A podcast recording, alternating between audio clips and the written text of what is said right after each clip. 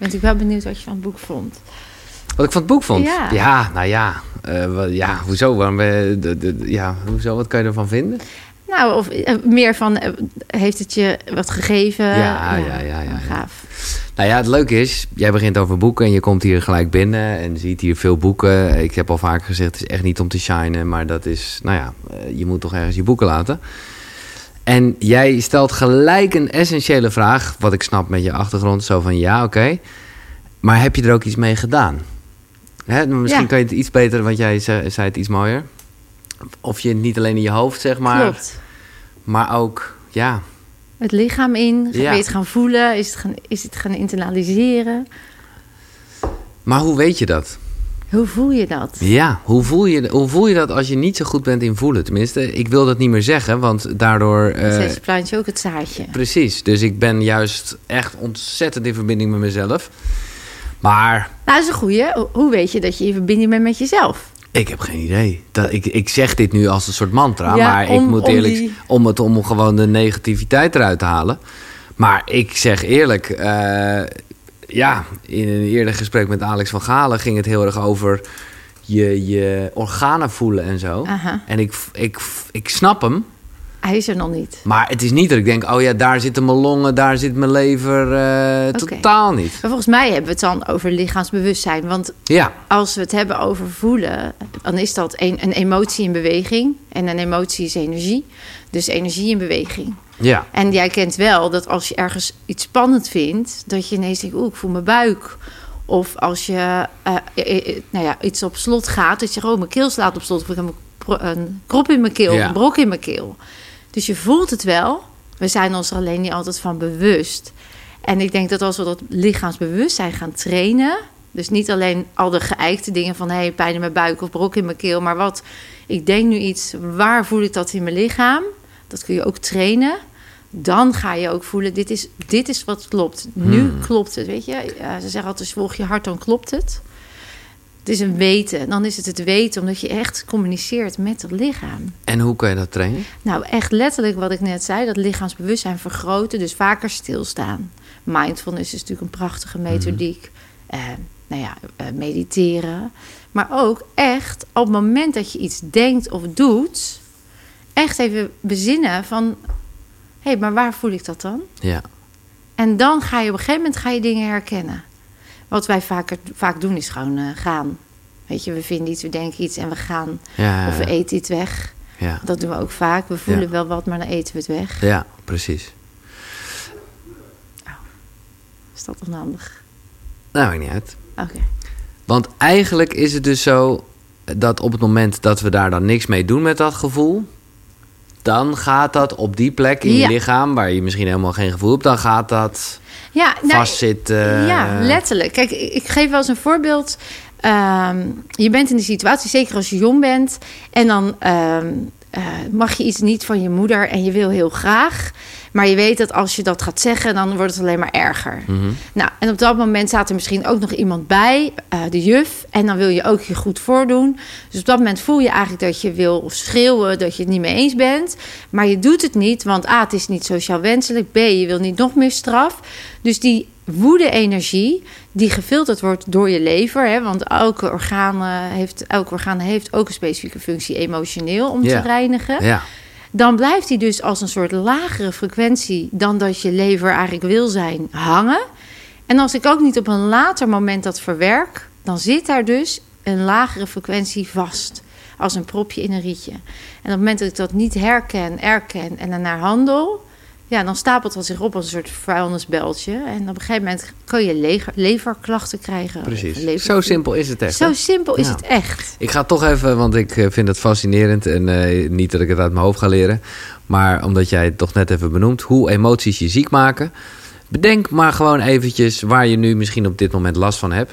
Ja. Eh, dan praat ik jou na door te zeggen, wees ook vooral dankbaar daarvoor. Heel erg. Want het is een, Het is een signaal. het is een signaal. Ja. En we hebben, wat ik, wat ik nog steeds als een waanzinnige uitdaging zie, is dat we op scholen jonge mensen gaan opvoeden hierin, zodat we weer lichaamsbewust worden. Want wat ik in mijn boek vertel, is eeuwen oud. Mhm. We konden het heel vroeger, we waren in afstemming met ons lichaam, we waren Ja. in afstemming met de natuur. We wisten al van tevoren dat de wind van rechts kwam Ja. en dat er iemand achter ons stond die, eh, weet je wel, die eh, bedreigend was. Dus voelen was voor ons eigenlijk juist ons redmiddel. Ja. En eh, nou ja, dus als je ergens last van hebt, dan heb je dat toen niet kunnen voelen omdat je niet wist hoe. Want dat was precies de vraag waar jij mee begon. Van hoe doe je dat dan? Zijn we dus afgeleerd. Mhm. Maar als je dan weet dat het zich, als het zich aandient, soms moet het heel hard aandienen, hè, moet je eerst heel erg ziek worden of heel veel pijn hebben. En je weet op een gegeven moment, oh, maar mijn lichaam wil mij dit dus vertellen. Ja. Dan mag ik dus daar naartoe en die emotie opruimen. Dan kun je ook weer heel zijn en weer gewoon gezond zijn. Ik noem, eh, ik noem even de dingen. Dus op het moment dat je nu ergens last van hebt, denk dan niet dat is nou eenmaal zo. Nee. Zo ben ik geboren. Allemaal, eh, nou ja, nee, het is allemaal mindsets die Ja. fixeren op dat je patiënt bent. ja. Precies, ja. Terwijl je bent dus geen patiënt. Je bent gewoon mens in een leven die energie vanuit Ja, ja, precies. Jij zegt ook van je bent niet ziek, je krijgt een signaal. Ja, Ja, vind ik een mooi. ja, vanuit de medische benadering, die natuurlijk heel erg aanvaard is inmiddels in het Westen, is dat de manier van kijken naar een mens. Maar vanuit de energetische Oosterse benadering is het: je bent een holistisch wezen. Je bent eigenlijk gewoon compleet geboren. En er zijn verstoringen en die kun je opheffen. Ja. Heb je last van je nieren of wat daar in de omgeving bij zit, dan komt het waarschijnlijk door angst. Ja, Je lever, boosheid, eh, last van je maag, te veel piekeren. zorgen maken, ja. Ja, eh, je, je hersenen en je hart, stress en je longen, verdriet. Ja. Dus, dus dan heb je te veel verdriet, of dan verwerk je verdriet niet goed. Nee, dan verwerk je je verdriet niet. Dus we zeggen het ook letterlijk, hè? Oh, het voelt als een steen op mijn maag. Ja, ja, ik kan me, ik Nee, al die uitdrukkingen, ja. Al die uitdrukkingen. Ja, ja, ja. Maar kijk, en dit is een beetje flauw, maar ik ga hem er toch gewoon in gooien. Ja. Kijk, ergens denk ik, oh, mijn vader is overleden aan longkanker. Nou, ik, ik, ik geloof wel dat daar heel veel verdriet zat. achter zat. Ja. Maar ergens denk ik ook gewoon van, ja, hij rookte ook wel heel veel. Maar roken is natuurlijk ook, hè, als we kijken naar Ja, ja, dus dat doe je ook weer om... om verdriet te verdoven. Ja, ja, Hè, dus roken is, is letterlijk een rookgordijn voor jezelf optrekken. Om iets niet te willen zien of niet gezien te hoeven worden. Of iets niet aan te gaan met jezelf. En dan is dat de gewoonte. En het, het, de uitdaging zit hem erin dat heel veel mensen iets hebben aangeleerd wat ze toen niet bewust hebben gedaan. Roken, doe je puberteit. Nou, Ja. dan ben je vaak onzeker. Dat is een houding, dat is een manier van... kijk mij, daar hoor ik erbij. Terwijl als je niet onzeker bent, heb je geen behoefte aan die sigaret. Alleen omdat het zo gewoonte is, vraag je 30 jaar later... wat zou de oorzaak kunnen zijn van longkanker of roken? Hmm. En dan zeg je, ja, nee, ja, ik, ik vond het gewoon lekker. Ja, ja, of ik vond het leuk. Dus heel vaak zijn mensen zich niet bewust dat iets wat ooit ontstaan is, echt uit een behoefte kwam of een gemis of een leegte. Omdat het nu zo een tweede natuur is geworden dat ze niet beter weten. En dan zeggen ze, ja, maar dat komt natuurlijk gewoon omdat ik. Ja. Ze mensen zeggen, ja, ik heb gewoon een blessure of ik heb gewoon verkeerd gegeten. Maar daar komen we wel echt op een essentie. Wat ik wel vaak had ook als ik eh, jouw boek met veel plezier las. Dat ik dacht, ja, maar ja, hoe weet je waar het vandaan komt? Ja, die, Hoe- vraag krijg ik heel Hoe vaak. kan je daar naartoe? Kijk, jij bijvoorbeeld zelf, eigenlijk jaren na dato, Ja. ben je erachter gekomen dat eh, het feit, hè, een, een heftig verhaal over hoe jouw vader je gered heeft, dat je glas in je keel had, eh, door een Ja. ruit was ge... Je ziet het Oh, je nog. ziet het nog? Ja. Oh, wauw. Ja. Wel cool. Nou, ik heb een verhaal, toch? Ja, ja ik, wel. ook altijd. Litteken- ik vind littekens altijd heel ja, mooi. Die hebben altijd verhalen. Ja. Zeker. Maar dat heeft jou. eh, maar dat. Kijk, dat is wel iets waarvan ik denk. Ja, oké, ik snap dat je daar later een soort link in legt. van wat dat voor jou betekend heeft. Maar het is ook iets wat je gewoon heel goed weet. In de zin van, het is gewoon. Ik bedoel, je hebt voor God's sake het litteken nog. Ja, ja, absoluut. Terwijl op het moment dat iemand even tegen je zegt: hey, doe dat nooit meer. Of Ja. ik noem, en dat, dat kan ook blijven zijn. En ik weet echt nooit meer dat dat ooit tegen me gezegd nee, is. en dan is het dus belangrijk, daarom doe ik dus ook die trainingen en neem ik je ook mee op die reis naar binnen. Dat je ook, ah, je, je kan het zelf leren. Want hoe weet ik dan waar die free zit, waar de oorsprong Ja. zit, waar die emotie vast zit? Nou, dat is dus dat lichaamsbewustzijn trainen. Maar twee, we hebben een bewust en een onbewust brein. En alles wat we als input meekrijgen, gaat in ons onbewuste brein op een gegeven moment een gewoonte worden. Nou, 97% van de dag hè, leven we dat onbewuste brein. Ja. Doen we, dat is heel handig geregeld, want dan hoef je het niet allemaal opnieuw te leren. Als ik dus... Ook een beetje verneukeratief, want er zitten wel allemaal shortcuts en aannames in... waardoor je in een milliseconde je keuze hebt gemaakt. Terwijl, nou ja, Exact. maar goed. Exact. Nee, er zitten de, Voordeel en nadeel, ja. constructieve patronen, maar ook Ja. hartstikke destructieve patronen. En als ik dus mezelf leer hoe ik dat in dat onbewuste, de poort naar mijn onbewuste open, dan heb ik ook het antwoord. Dus de, de Body Mind Reset die is voortgekomen uit mijn eigen ervaring, uit de praktijk die ik natuurlijk heb gedaan, uit alle kennis, trainingen die ik heb gevolgd. Die is niet zomaar uit één eh, dag ontstaan. Daar heb ik echt wel jarenlange ja. studie Nee, je hebt een lijst, nou daar gaan we het straks wel over hebben. Ja. Ik vind het fantastisch. Ja, en dan kom je in dat onbewuste waar de antwoorden liggen. En als je dat kan en je dat lichaamsbewustzijn hebt, dan kun je dus naar de oorsprong van de kwaal. Of Maar dan, dat zou dus betekenen dat ik eh, op een gegeven moment me iets kan herinneren... wat ik me nu niet meer kan Ja, herinneren. Met ja. echt als, ja, ja. Ja, en, en wij maken dingen mee dat mensen ook, ja, dan ga ik wel heel ver. En ik denk dat jouw luisteraars dit heel erg kunnen herkennen.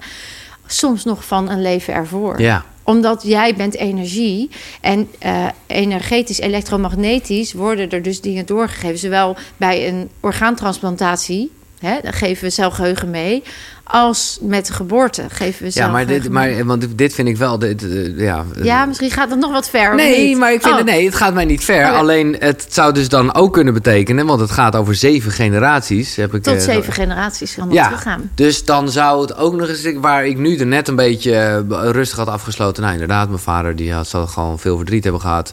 En eh, daarom ook. Maar het zou ook nog eens een keer kunnen zijn dat een over, over, overgrote opa van hem met verdriet zat. En daarom heeft Ja. me, ja, Kijk, uiteindelijk is de bedoeling van een geboorte... en daarom zag je ook bij de oerstammen... zie je ook dat het echt een ritueel is. Dat een geboorte de bedoeling heeft... daar is die navelstreng ook voor... om de energie van vader en moeder en alles daarvoor daar te laten... en jou los te koppelen van die energie. Dat doe je dan uiteindelijk door die navelstreng los te laten. En dat is een heel ritueel. En als je dat goed doorloopt, dan ben jij in principe vrij. Hè, als je geboren wordt.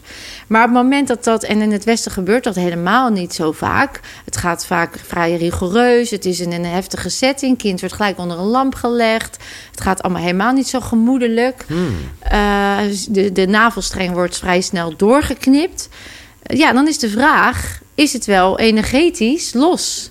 Dus eh, dan kan het zomaar zijn dat er nog energetische ballast bij een kindje meekomt. En is aangetoond, er zijn ook echt onderzoeken van. Eh, World Trade Center is daar een mooi voorbeeld Ja, ja, van. ja. Die moeders die dat trauma hebben meegemaakt, die zwanger waren. Die dus ook later kinderen, kleinere geboren kinderen krijgen. Die dus kennelijk dat trauma hebben meegekregen. maar dan vind ik nog, dat Dan is niet, ze- ik wil net zeggen, dat is niet zeven generaties. maar, Maar, goed, het- zo zijn er ook heel veel voorbeelden. Tuurlijk. Waar je Nee, dus- ik snap dat het zo werkt. Als je het gewoon eventjes eh, hè, eh, systemisch bekijkt en heel erg eh, familiesysteem, ja, dan heeft het altijd, effect Altijd. op elkaar. En we zijn natuurlijk ook allemaal in één field, weet je wel. Het is uiteindelijk allemaal met elkaar verbonden. En eh, we wisselen de hele dag ook energieën uit. En alles interacteert met elkaar. Ehm, dus ik denk op het moment dat jij eh, tot je nulde en je zevende jaar nog in een vrij hoge frequentie zit... omdat je dan nog alles moet leren... Mhm. dat het ook, neem je ook sneller hogere frequenties nog mee. Hè? Dus er, zit heel veel, er zijn heel veel invloeden die zorgen dat jij uit balans kan raken. Maar jij zegt ook om eh, niet door die zeven generaties onder me, zeg maar, je- als, je, als je goed gepantserd bent of goed geaard of weet ik veel hoe je het wil nou, zeggen. dan kan het zomaar ook zijn dat je niks bij je Nee, hebt. precies. Ja. Nee, want ik vind dit, en ik vind het wel gelijk goed dat we het bespreken, maar dit vind ik gewoon zo, ja. Abstract. Nou ja, niet zozeer abstract, maar wel dat ik denk, ja, daar, daar kan ik dus niks aan doen. Maar, maar laten we even vooropstellen dat alles wat jij nu ervaart in je lichaam, waar eh, wat in het celgeheugen ligt opgeslagen, wat je op onbewust niveau hebt binnengekregen, Daar kan ik wel wat aan doen. je kan er sowieso wat aan doen, maar Ja. het, is nooit, het gaat nooit over schuld. Nee, ik bedoel het ook niet in Nee, schuld. Nee, daar heb je gelijk in. Weet je, ik kan natuurlijk zeggen, blame it on my parents. En dat is ook lekker. Uh, uiteindelijk raak ik daar mijn ballast niet mee kwijt. Nee. Hè? En uh, het doel is ook niet om mensen de schuld te geven. Nee, nee, nee, helemaal niet. Helemaal niet. Ik zat die documentaire te kijken van, uh, van die Hongaren, vijf Hongaren die nog die, uh, de oorlog hadden overleefd en die in die, in, nou ja, al die concentratiekampen hadden gezeten. Die heftige trauma's daarvan. Als je dan denkt, ja, die hebben ook weer kinderen gekregen. Het is natuurlijk helemaal never ever gaat het hier over schuld. Nee. Dat zij misschien een trauma onbewust hebben meegegeven aan Nee. hun kinderen. Want dat hoor je vaak. Hè, dat... Nee, maar ik bedoel het ook veel meer als... Het is gewoon zo lekker verklaarbaar. Ja, dat als je nee, gewoon precies. weet van... Hey, als je zelf niet goed omgaat met die emotie... ja, eh, dan kan dat inderdaad een prop in het rietje zijn van de, dat orgaan. Ja. En dat vind ik lekker. Ja, want dan Eh, hebben we invloed. Ja, En toch, weet je, met een reset kun je eigenlijk ook van generaties ervoor gewoon resetten. Want Ja. het gaat in essentie om het celgeheugen. precies. En jij zegt, en ik geloof dat heel erg, je verandert de structuur van een cel. Absoluut. Helemaal niet van het zit in je genen. Ja, je kan Nee. je genen gewoon veranderen. Ja. Dat weten Ja. we inmiddels, dat meditatie Dat is al- of zo doen. Dat is eh, al lang gebeurt dat. aangetoond. Ja. En omdat je het veranderd hebt, kan je er ook niet meer naar terug. Nee, want de, de cel heeft het niet meer in het, in het geheugen. Het is net als een computer, zou je het kunnen vergelijken. Zeg maar, je hebt een programma erin gezet... en elke keer sloeg die computer op hol als een soort virus. En nu haal je dat virus eruit en dan draait die computer weer. Nou, zo werkt het eigenlijk ook met je cellen. Dus op het moment dat je iets verwijdert... dan kan je Ja. cel nooit meer dat geheugen leven... En er zijn ook mensen die dat dan ondergaan. Die zeggen, ik kan me niet meer voorstellen dat ik daaraan deed. Nee. Dat had ik dus ook. Ik wist dat ik gezond was, maar ik kon het rationeel bijna niet geloven. Ik dacht, nou, hoe. Dat kan toch helemaal niet? Hè? Dat- A, omdat ik er niet meer was opgevoed. Dus ik kwam in een wereldmodel waar ik... Ik vond het maar zweverig en abstract en vaag. Gewoon omdat ik er niks van wist. En dan vinden we er wat van. Ehm, ik kon het wel. Ik wist het, maar ik, ik durfde het niet te voelen. Begrijp je? Dat Ja, ik echt ja, dacht, ja, ik begrijp het. Nee, Eh, dit, dit kan niet. Dit is morgen weer. Dat horen we ook veel van mensen die meegaan naar de events. Die zeggen: Ja, maar morgen is het vast weer anders. Of volgende ja, week. ja, ja, het is eventjes. Is het, het is nu wel anders. Ja, het is nu wel anders. Maar vast volgende week. En dan komen ze erachter. Ik had laatst iemand die zat in de rolstoel vanwege Lyme. En die is een week mee geweest. En die doet alles weer. Die heeft negen jaar lang ellende gehad. Die loopt weer? Alles. Ja. Alles. Dus die is nu ook de opleiding gaan doen. En die gaat het nu zelf natuurlijk helemaal. Want die zegt, ja, dit moet de wereld weten. En dat vind ik natuurlijk ook. Nee, dat snap ik Maar heel dat erg. celgeheugen is er niet meer. Dus het lichaam weet niet wat... Die heeft een andere instructie. Ja. Zo moet je het eigenlijk zien. Dat is toch geweldig? ja, dat is fantastisch. Spreek je die eh, moeder Yvonne nog wel eens? Ja, zeker. Oh, ze, ze, echt? ze woont bij mij in, de, in, de, in het dorp, in de stad. Oh, oké. Dus ik spreek haar nog regelmatig. Ze was blij eh, ver- vereerd. Want ik heb haar natuurlijk het boek eh overhandigd. Ja. ja, zeker. Want dat is een mooi verhaal. Jij was, eh, nou ja, eh, een medisch probleemgeval, laat ik het zo maar ja, even zeggen. absoluut. Eh, ja. Jarenlang eh, gedoe. Was het toen al bekend dat je één nier had? Of was dat juist het gedoe? Nee, dat was zeg maar... De eerste jaren had ik heel veel pijn. En dan hadden ze niks ontdekt. Ja, de ene keer, de ene keer zijn eileider. De volgende zijn mijn darmen. De volgende zijn mijn baarmoeder. Nooit naar nieren gekeken. Drie laparoscopieën. En iedereen zei, ja, we weten het niet, we weten het niet. En toen ik zwanger... Toen zei één arts, ja, ik denk dat je zwanger moet worden. Want Ja. dan...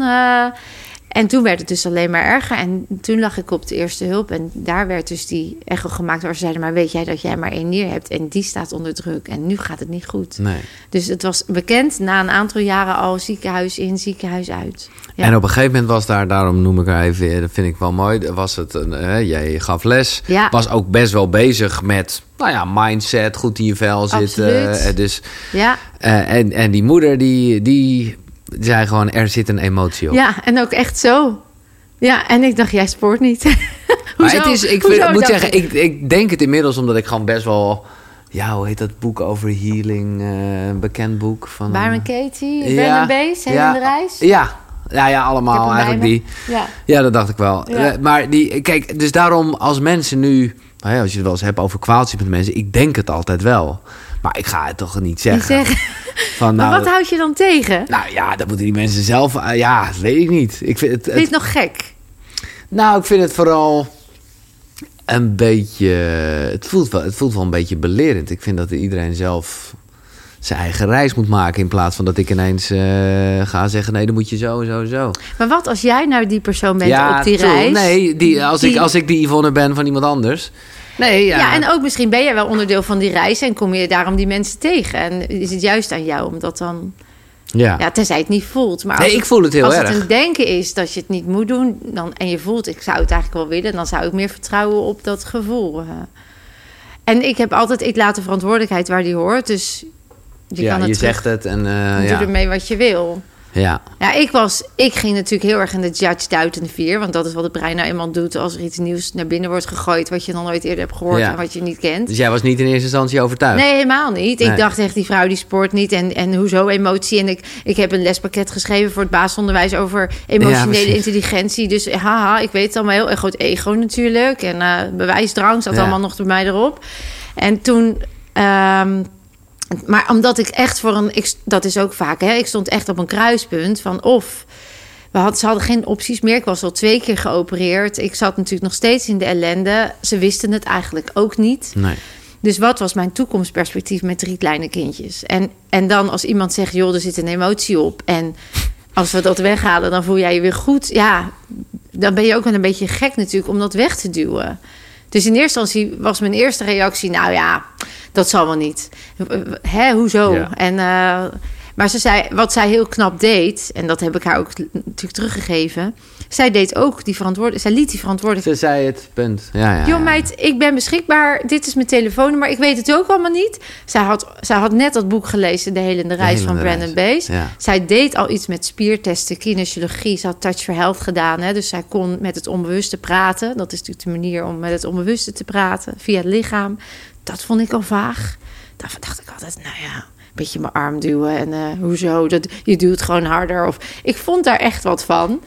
Ik vond haar altijd gewoon een, een aparte vrouw. Mm -hmm. Ik had haar natuurlijk in wen, ik, ik, ik, respecteerde haar. Ik hoefde er niks mee. Ken je dat? Dat je toch. Ja, ja heel goed. Ja, ja. ja, en toen zij dus. Maar zij was wel oprecht betrokken. En zij was ook een van de weinige. Ik had natuurlijk heel veel ouders die zeiden: hoe gaat het? En dan zei ja, maar die. Zij zei gewoon: joh. Ja. Nou ja, en toen heb ik haar natuurlijk s'avonds gebeld. Nou ja, ik weet niet wat je gaat doen, maar zullen we dan maar een afspraak maken? En toen zei ze, ik weet ook niet wat ik ga doen, laten we het maar doen. Fantastisch. Echt geweldig. Laten we maar gewoon, we gaan heel organisch naar de boeken, want dat die Brandon Bees uh, ter sprake zou komen, dat wist ik wel. Ja. En dat is, maar ik vond het wel een beetje, en ik kan dat wel wegdenken hoor, maar dat was wel, ik vond er zoveel geloof aan hangen in dat boek. Dat is altijd een beetje in de Amerikaanse boeken. Ja, oké, okay, is dat het? Ja, dat, hou, dat heb ik er maar van gemaakt. Ja. Ik zie het altijd maar een beetje als het, als het goddelijke of als het. Ja, nee, ik had precies, ik kan het ook wel plaatsen. En er Ja. is gewoon iets van een grotere kracht, die zo. we niet kunnen vertellen. Nou ja, het universum en daar zijn we natuurlijk allemaal op een bepaalde manier mee verbonden. Ja, ik heb zelf ook niks met God in die zin. Ik geloof in mezelf, zeg ik altijd. En Ja. in, ik wil in verbinding blijven met, met de energieën die goed voor me zijn. En eh, nu- geef het een naam. Precies, Ja. koekeroe zou ik het noemen. Ja, koekeroep. nou, hoppakee, natuurlijk. Maar pak de hele reis er maar even bij. Ja, je, ik je, hebt, je heb hebt veel te veel eh, boeken meegenomen, dat vind ik mooi. Je kon geen keuze maken. Nee, ik kon geen keuze, maar ik moet even kijken waar ik hem dan... En voor de mensen die dat eh, boek niet kennen, ja, het is echt wel een aanrader. Even los van waar we het net over hadden, maar dat is ook niet heel storend hoor. Maar het, het komt er vooral op neer dat wij allemaal kunnen helen, en zo, toch? Helemaal.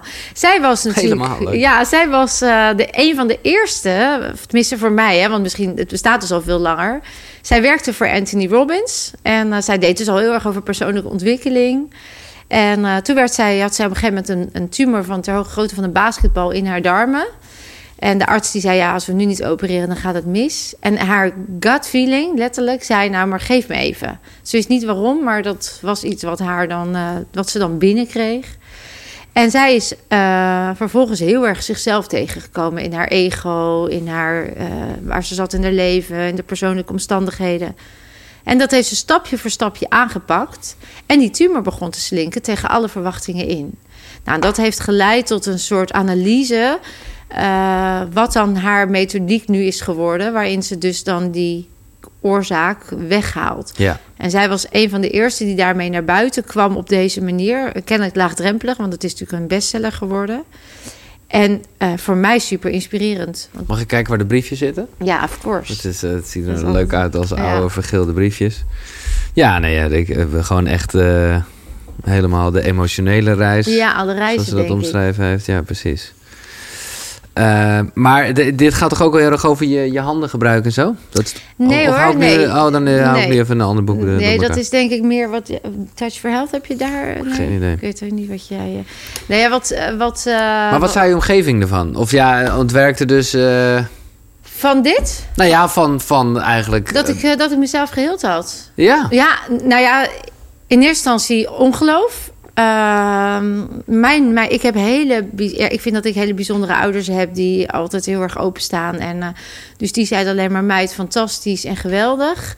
Ehm, en, en ga maar doen wat je voelt nu. Want ik voelde dat ik hier natuurlijk wat mee wilde. ja. Het was niet zo van, oké, ik ga weer door met mijn normale leven. Nee, dat kon ik niet. Nee, ik had echt, toen ik uit die wachtkamer liep en die arts dus niet, hè, de LUMC, die had mij echt naar huis gestuurd met, nou, wat, wat ik zei. Ik ben emotioneel geheeld. Hij had, had onderzoek, had uitslag en hij zei, ja, ik kan niet verklaren, maar je bent genezen. En ik zei, ja, ik heb mezelf emotioneel geheeld. Ik had geen idee. Maar ik riep het uit enthousiasme. Tuurlijk, ja. En toen zei die arts, nou, eh, fijn mevrouw van Betten, maar eh, tot ziens. Hè? Nooit meer zien. Die kon, daar, die kon daar niks mee Nee joh, dat was natuurlijk nu, ik snap het nu. Toen was ik, was ik nog wel een soort boos. Ik dacht, hoe, hoezo wil je nou niet... Vra- Vraag je nou even niet aan me hoe ik dat heb gedaan... terwijl ik zelf echt... Ik had geen idee. Nee. Ik had natuurlijk gewoon... Want je had een diagnose, even voor de duidelijkheid, een diagnose waarvan, eh, nou ja... de toekomst niet eh, fijn was. Nee. Ik had een nierfunctie, ik had al een nier verloren. De andere nier zou zijn functie gaan verliezen, omdat ik dus een urinewegvernauwing had. Die urinewegvernauwing was twee keer opgeheven. Nul succes. Dus ja, als en ik had alsmaar katheters erin om toch die afvloed te houden. En dat kan niet. Je kan niet je hele leven van die katheters erin houden. Dus dan moet je denken aan een transplantatie of aan dialyses. Of, eh, en iets in mij zei gewoon dat ik... Ik wilde het natuurlijk niet. Ik had drie jonge kindjes. Ik, was, ik wilde gewoon een vrij positief, blij leven. Eh, en iets in mij zei dus dat ik een andere route moest gaan zoeken. Ja. Nou, en daarom was Yvonne denk ik ook weer... Precies, right hè, time, right place, ja. Daarom zei ik, misschien ben jij wel die persoon op dat moment. Ja, ja, nee, ik snap het heel erg. En, eh, maar toen hij dus zei van ja... Toen ik dus zei van, eh, er zaten zoveel patiënten, het was zo druk in het ziekenhuis, dat ik dacht, maar als, als mensen dit zouden weten, dan zouden we elkaar zo goed kunnen helpen. Ik had niet eens, ik had helemaal niet de arrogantie dat dit dan de manier was, maar ik dacht wel, het zou zomaar kunnen aanvullen op wat er nu bestaat. Denk je dat we in een betere tijd leven? Of is het nog steeds... Ik denk dat eh, we nu naar een tijd gaan. Ik, ga, ik heb nu ook artsen in mijn events. Ja. Ik heb toevallig gisteren weer een mail gekregen van een, een jonge arts die zelf kwaal heeft Ja. en nu zegt van ik wil bij jou mee omdat ik geloof dat er meer Ja. is en ik ook wil dat nou ja hè, Ik dus- merk ook dat veel mensen uit de gezondheidszorg hier heel erg eh, Mee bezig mee zijn. bezig zijn. En ook denken, ja, dit is totaal niet zoals we het geleerd krijgen. Maar ik wil hier toch meer van weten. Want ik, eh, de patiënten beginnen erover of eigen interesse. Ja, dat. Dus ik zie wel, ik denk dat ik ben natuurlijk 15 jaar geleden begonnen. Nou, in het begin, ik werd Mojanda en ik werd dan de meest eh, allemaal nare associaties. Terwijl ik heb daar geen mening over, maar dat was natuurlijk toen wel een beetje een label en een beeld. En, eh Was ook gewoon ongemak, hè? Ik bedoel, ik heb veel met Jomanda gewerkt. Fantastisch wat die vrouw deed. Ja, precies. Eh, Ook weer ja. on, onwetendheid. Ja, en ook een beetje angst voor het onbekende. Dus dat. eh, ja. Ik denk dat mensen er toen er niet zo aan toe waren. En, en ik denk dat er met heel veel... Ik weet dat Emiel Ratelband, los van wat je van Ja, hem vindt... die kwam misschien nu 30 jaar geleden... met eerst met het Chaka-model, met positieve mindset. Nou, de wereld dacht dat hij gek was. En nu als je het hebt over een positieve mindset... zegt iedereen, ja, natuurlijk. Hè? Zo Ik denk dat we wel in een mooie beweging zijn. En corona maakt natuurlijk tragisch inzichtelijk hoe ongezond we leven. En dat er ook wel echt, we waren gewoon niet voorbereid. En het feit dat we nu mondkapjes en alles, dat is natuurlijk omdat we niet weten hoe we met een virus om moeten gaan. Hoe we met de natuur moeten omgaan. Dat zijn natuurlijk wel dingen. Laten we het toch maar even doen. Hebben we dat gehad? Ik Oké. vind het altijd een, een zure appel. Eh, ja, niet dat ik een soort struisvogel ben die het onderwerp helemaal vermijdt. Maar er was een tijd dat ik heel erg de illusie had van... ik ga het niet benoemen, want dan is het gedateerd. Inmiddels weet ik wel dat het eh, zo lang meegaat... Dat, het- dat we niet eh, dit ooit horen en denken... oh, wat was dat ook alweer? Nee. En daarnaast is het eh, een soort licht aan het eind van de tunnel. Ja, dat zie ik ook. Maar hoe, als jij zegt en voelt en weet je- dat je lichaam zelfhelend is. Ja. Ja. Hoe sta je dan in, ah, ja, nou, hoe, hoe sta je dan in vaccineren? Nou, ik doe het niet. Nee. En dat heeft meerdere redenen. Ik ben, het, laat ik vooropstellen, ik ben helemaal niet tegen medische handelen of de medische wereld. Hè? Nee. Het- het- ik zeg altijd, we zijn complementair aan elkaar. Zij weten heel veel. En ik weet op dit gebied dan toevallig heel veel. En ik denk dat er heel veel mensen heel veel op dit gebied weten. En als we dat samen gaan gebruiken, dan denk ik dat we de wereld gewoon sneller, gezonder, bewuster maken. Dat even terzijde. Ehm, een virus zal er altijd zijn. En zolang wij niet goed voor de natuur zorgen, zullen virussen ruimte krijgen om te ontstaan. En als wij als mensheid met zoveel zijn, dan zijn wij gewoon interessant om in te gaan leven als virus. Want het is lekker makkelijk. We zijn met heel veel. Dus op het moment dat eh, een virus. Dus, dus, dus wat het inzichtelijk maakt is, laten we eens beginnen met de oorzaak aanpakken. En dat is goed zorgen voor de natuur. Dus wat minder regenwoud kappen Mhm. bijvoorbeeld. Wat minder consumeren. Eh, hè, echt goed met de natuur gaan samenwerken. Ehm, dan hoeven we ook al die medische maatregelen niet te nemen die ons uiteindelijk misschien ook wel weer zieker maken. Dus ik wil veel meer kijken naar de lange termijn. De oorsprong eigenlijk. Ja. En de oorsprong. Dus wat levert het op om het nu te doen over 20 jaar of over 30 jaar? Ja, maar goed, dat is, we, zijn al te ver doorgeslagen. Dus we zitten nu ook waar we nu zitten. Ja, Dus is dat virus er. ja. Ehm, Ja, ik zou dus de focus als overheid, ja, het is natuurlijk, ik ga er maar zitten op die stoel, maar ik zou dus de focus leggen op het vergroten van de weerstand, gezonde leefstijl, Ja. eh, voeding in de, in, de, in de supermarkten veranderen, zodat we ook gewoon echt gezonder gaan worden. Daar zag ik helemaal geen focus op. En, en dat zou ik nou heel erg voor pleiten. Ja, en dan zie je dat we als land gewoon afhankelijk zijn geworden van andere landen. Dus, dus, dus het is een complexer systeem geworden. Nog steeds vind ik, het is mijn lichaam, mijn verantwoordelijkheid. ja. En ik stop erin wat voor mij goed voelt. Maar, want ik wist ook eigenlijk wel dat je dit ging zeggen. Ja, Eh, maar wat ik een mooie vind, en dat, dat eh, hoop ik dat het ook wat rust kan geven bij wat luisteraars. Jij zegt ook, als je laat vaccineren, altijd. Ja. ga ervoor. Ja, nou, ik had toevallig net met iemand hier bij jou eh, even een gesprekje daarover. Alles heeft een frequentie, is een energie. En heeft een effect op jouw basisenergie. En jouw lichaam zal altijd terug willen naar die homeostase... waar je gezond en gelukkig bent. Hè? Dat, is dat, die, dat zoekt hij altijd ja. op, ja. Dat is dat zelfherstellende vermogen. Op het moment dat jij iets tot je neemt, en dat gaat niet alleen over vaccinaties, dat kan alles zijn met een lagere trilling, dat dus jouw lichaam verstoort, dan heeft jouw lichaam tijd nodig om dat op te ruimen. Hoe meer ik dat verstoor, hoe minder mijn lichaam tijd krijgt om dat op te ruimen, hoe lager ik in de frequentie kom, hoe minder goed ik me voel. Dus eh, je kan natuurlijk dan gaan afwegen hoeveel heb ik al binnen aan vervuiling en hoeveel kan ik nog hebben. Ik zeg altijd 20-80 het principe. En als je lichaamsbewust wordt, dan weet je op een gegeven moment: dit is nu mijn frequentie, dus ik zit nog goed. Maar dit gaat Maar- er veel snel, dit snap ik niet. 2080, je bedoelt het, Nou, merendeel. Ja, als het merendeel gewoon, Ja, als, Ik, als ik het gewoon even puur anatomisch omschrijf. Giel, ik heb een cel en ik stop daar de goede dingen in, dan zal die beschermd zijn. Als ik daar niet de goede dingen in stop, dan zal die onbeschermd zijn. Dan kunnen de vrije radicalen zich gaan vermenigvuldigen, word ik ziek. Dus eh, op het moment dat ik zeg, nou, ik heb 80% goede cellen. Nou, neem lekker een frikandel of neem lekker een... Maar eh, het gaat er mij weer om, wat levert het op op de lange termijn? Nou, als jij voelt, en dat is dus de tweede, en dat is leuk, want daar heb je invloed op. Mind over matter. Als jij met gedachten en gevoel jezelf sterk neerzet en je neemt de vaccinatie die over het algemeen lagere trilling heeft en je zegt erbij je bent mijn vriend en je dient mij, dan zal die anders zich manifesteren in jouw lichaam dan als je bang bent en tegen de vaccins bent. Ja. Dus als je het doet, doe het goed. en, en volg als het Ga voor jou... ervoor. Ja, en sta er dan ook achter. Ja. Omarm het en gebruik het als je vriend. Want dan heeft hij gewoon ook een positieve werking in je lichaam. Dus het is niet tegen. Ik zeg altijd, iedereen mag het zelf voelen. En als het voor jou nu veiliger voelt... word wel bewust, doe je het uit angst? Of is het vanuit kracht? Omdat je gewoon zegt, nou, ik wil hem nu... want dan kan ik op vakantie of wil ik dat. Mhm. Maar ik geloof in dat mijn lichaam een goed immuunsysteem heeft... en ik, ik zorg dat dat niet het verstoort. Hè? Dat is wel... Ja, Wat is je behoefte? nee, oké. maar als ik zelf wel geneigd ben om te denken dat ik in een eh, fase zit waarbij ik ja, zo puur mogelijk wil handelen. Ja, En ook wel geloof dat mijn lichaam eh, zelfhelend en zelfredzaam is in alle opzichten. Maar, nou ja, het is een beetje flauw om het dan groepsdruk eh, te noemen. Maar wel een beetje. Ook vanuit ja, hè, dat mensen zeggen: ja, ja, egoïstisch als je het. eh, ja, weet je, die peer pressure. Ja, ik denk dat dat de ultieme test is van dicht bij jezelf blijven. ja. Dus hoe ver ga je mee met de groep? Omdat, ga, neem je een sigaret omdat iedereen rookt? Als ik vergelijk het wel eens met, met kinderen, als jonge kinderen, dat vinden we raar als we die een sigaret geven. Hè? Dan zeg je, ja, dat duurt er niet, je stopt er gif in en dat is slecht. En als we ouder zijn, kennelijk is dat dan ineens niet meer raar. Nee. Ehm, maar dan, als je dan als enige zou zeggen: Ik doe het niet, dan is het heel normaal en dan ben je sterk.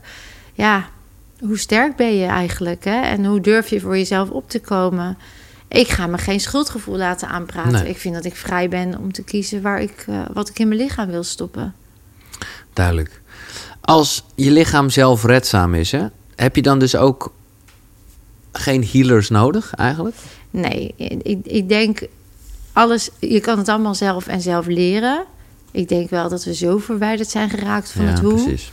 dat in het begin, hè, er is een heel mooi onderzoek, de Spontaneous Remission Project. Daar hebben ze 3500 case studies van mensen die genezen zijn zonder medische interventie, maar wel al in het medische circuit zaten. En hebben ze gekeken wat zijn nou de, de basisvoorwaarden om te genezen. En een van die voorwaarden was een omgeving die in jou gelooft. Ja. En een healer die kennis van zaken heeft, die jou dus daarin nog helpt om dat zaadje sterker te maken. En ook coach, ja. En coacht, ja. ja. Ja, Nee, dus het is net als eh, zoals ik het bedoel met koekeroe. Het zit van binnen, maar er zijn natuurlijk genoeg mensen die je kunnen helpen eh, het ontdekken. Ja, want ik denk dat we. ja, ja, jij stelde echt de meest essentiële vraag net. Van hoe voel ik dan en hoe doe ik dat dan? Ik denk dat we onszelf daarin educatie moeten Maar dan gaan we daar gelijk op door. Want Ja. kijk, jij omschrijft iets. Nou, ik vond het echt mooi. Want ik vind het altijd. Ik ben altijd heel erg gewaar voor als iets alleen maar als slecht of negatief wordt eh, afgeschilderd. En jij omschreef zo mooi wat de kracht is van een freeze. Dat ik echt dacht, ja, wat bijzonder hoe dat eigenlijk werkt. Ja. Want je, je, je stapt letterlijk even ergens overheen, zodat je in dat moment kan doorgaan. Exact. Nou, dat is, dat dat is te gek? dat is wonderschoon. Ja, Maar gevaarlijk natuurlijk ook. Of althans, als je er nooit meer naar terug gaat. Als je het niet even eruit schudt. Of als je het niet even... eh, Ja. Ja. Maar goed. Ik snap dit allemaal. Alleen als je gewoon zo gefreeze bent. Uh-huh. En ik, dit, ik laat het maar gewoon zeggen. Ik denk dat ik... eh, ja, nou ja, ik wil het niet meer denken. Want dan ga ik... maar ja, ja. ja, ja. We beginnen nog even met denken. Dat mag ja, toch? dat. Ja, dan, dan is het dus heel moeilijk om iets te ontladen wat je niet voelt. Um, nou, en nou zeg je iets heel moois. Als je... eh, je hoeft het niet per se te voelen om te ontladen. Hmm. Ik geef even een voorbeeld. Ik heb het zelf gehad, maar ik weet zeker dat jij dat ook herkent. Maurice, mijn man, heeft natuurlijk 2,5 jaar geleden een heftig motorongeluk gehad. Jij zegt natuurlijk, dat is voor mij natuurlijk omdat ik me heb ingelezen. Oh ja, Maar we gaan dit toch even in een notendop. Oh ja. eh, ja. ja. Want het is op jouw reis, weet je wel, zo wat, wat, wat er gebeurde eh, met jouw eigen klachten. Wat er gebeurde met de vader die je redde. En jij eigenlijk ook weer die je vader redde. Ja, bizar. Dat is dat. Leef je vader nog aan? Ja, Oh, hij gaat altijd mee naar alle events. Ah, hij fantastisch. is zo mooi, hij is zo goed. Hij is zo, ja, zo puur. Ja. Zo mooi. Maar alles lijkt op jouw reis. Of dat lijkt, dat is gewoon, eh, het is gewoon heel mooi om van een afstandje te zien. Eh, heeft eh, ja, invloed op waar je nu staat. En ook Zeker. zeker jouw, jouw man Maurice Ja, kreeg in 2018 een heftig eh, motorongeluk. ja. Hersenschade waarvan weer de nou ja, ziekenhuisanalyse was... dit komt nooit meer goed. Nee, ja. En jij denkt, ja, nu ga ik even al mijn kennis... die je dus zelf inmiddels met je eigen klachten zo... eh, en, en, eh, Waar ik nu de methodiek op heb. ja, precies. Je had je body mind reset ding Ja. ontwikkeld. En nou ja, jij hebt hem erin gegooid. Ja, zo. En hoe? En dat was, als je het nou hebt over lichaamsbewustzijn en weten, dat was het moment. Dat ik wist, jij gaat hier uitkomen, 100 En ik volgde gewoon zijn lichaam. Ik hoefde er eigenlijk zelf niks voor te doen. Ik was puur in connectie met hem. En het enige wat ik deed was volgen wat zijn lichaam mij vertelde. En dat, toen hij natuurlijk... Want hij lag in coma, hè? dus het was niet even lullen. Hij was in coma, hij Ja. was totaal oud. Dus Ja. het was puur interactie energetisch. Maar nog even terug op die freeze. Ja, nee, precies. Want ik had natuurlijk dat ongeluk, dat was, dat was mij ter oren gekomen. En dan schieten we altijd in de fight, flight, freeze, maar ook zelf in de overlevingsstand. Dus eigenlijk had ik ook even een freeze, want ik had drie kinderen thuis. Ik Ja, zat zelf tuurlijk. in Rotterdam, ik had een training gegeven. Eh, ik moest naar huis. Ik wist niet hoe mijn man het zou overleven, want de politie had gezegd... ja, je moet echt nu komen, want we weten niet of hij eruit komt. Eh, dus op dat moment dacht ik, oké, de kinderen, eh, allemaal praktisch, weet je wel. Regelstand, dat is mijn overlevingsstrategie. Dus echt het verwerken van de emotie op dat moment, daar had ik geen tijd voor. Dat parkeerde ik ook. En dat zou je dan ook herkennen. Dat is dan even niet handig en nuttig. Dus op dat moment ben ik gewoon in die overleving gegaan naar het ziekenhuis. Ik heb mijn man uiteindelijk, toen hij op, op de intensive care lag, natuurlijk mocht ik er naartoe. Kinderen opgevangen, nou ja, het hele verhaal. En uiteindelijk, s'avonds op bed, ik lag half twaalf, twaalf uur in mijn bed. En ik begon me toch onbedaarlijk te schudden. Ik begon me toch te trillen en te shaken en te huilen. En het enige wat ik toen, met de kennis die ik had, wist: wauw, thank you. Ik ben dus nu aan het ontladen van, ik kan nog kippenvel van krijgen, van de emotie die me vanmiddag Ja, die ik niet kon verwerken. En dat doet mijn lichaam dus eigenlijk automatisch. Wat we vooral dan vergeten, is dat dat dus erbij mag horen. En dat we het niet hoeven te onderdrukken. Of dat Nee. denken, oh, ik zit helemaal te trillen. Nou, ik wil het niet. Of we gaan al die sociale programma's, die conditioneringen daaroverheen... die zorgen ervoor dat we dat dan weer onderdrukken. En ik liet hem helemaal gaan. Ja. Ja, en dan daarna voel je ook... Nou, ik weet zeker dat je dit herkent. Dat je dat wel eens hebt gehad. Dus je, nou, ik zat gewoon helemaal nog te trillen daarna. Nou ja, ik- maar wat ik dus wel, maar misschien is dat inderdaad wat je bedoelde, is het helemaal niet meer nodig dat je dan weet waar het vandaan komt. Nee. Ik heb dus best wel, ook in mijn jeugd gehad, best wel gekke ervaringen dat ik gewoon echt even inderdaad heel erg aan het schudden, Schudden was. was. Eh, en het is ook mijn eh, associatie met de paar keer dat ik, eh, nou ja, dingen als ayahuasca en een ceremonie met Jesse heb gedaan. Ja, ik vind het heerlijk in die zin dat ik gewoon aan het trillen ben Ja, en aan het shaken als een malle. Gewoon mijn voeten bewegen en alles is gewoon helemaal... eh, Al die energie komt vrij. ja, maar goed, daar zit dus heel veel. En je hoeft dan niet eens te weten wat. Nee, maar dat zou betekenen dat als ik elke dag een beetje ga dansen... Dat je al heel veel oplost. Ja? Ja.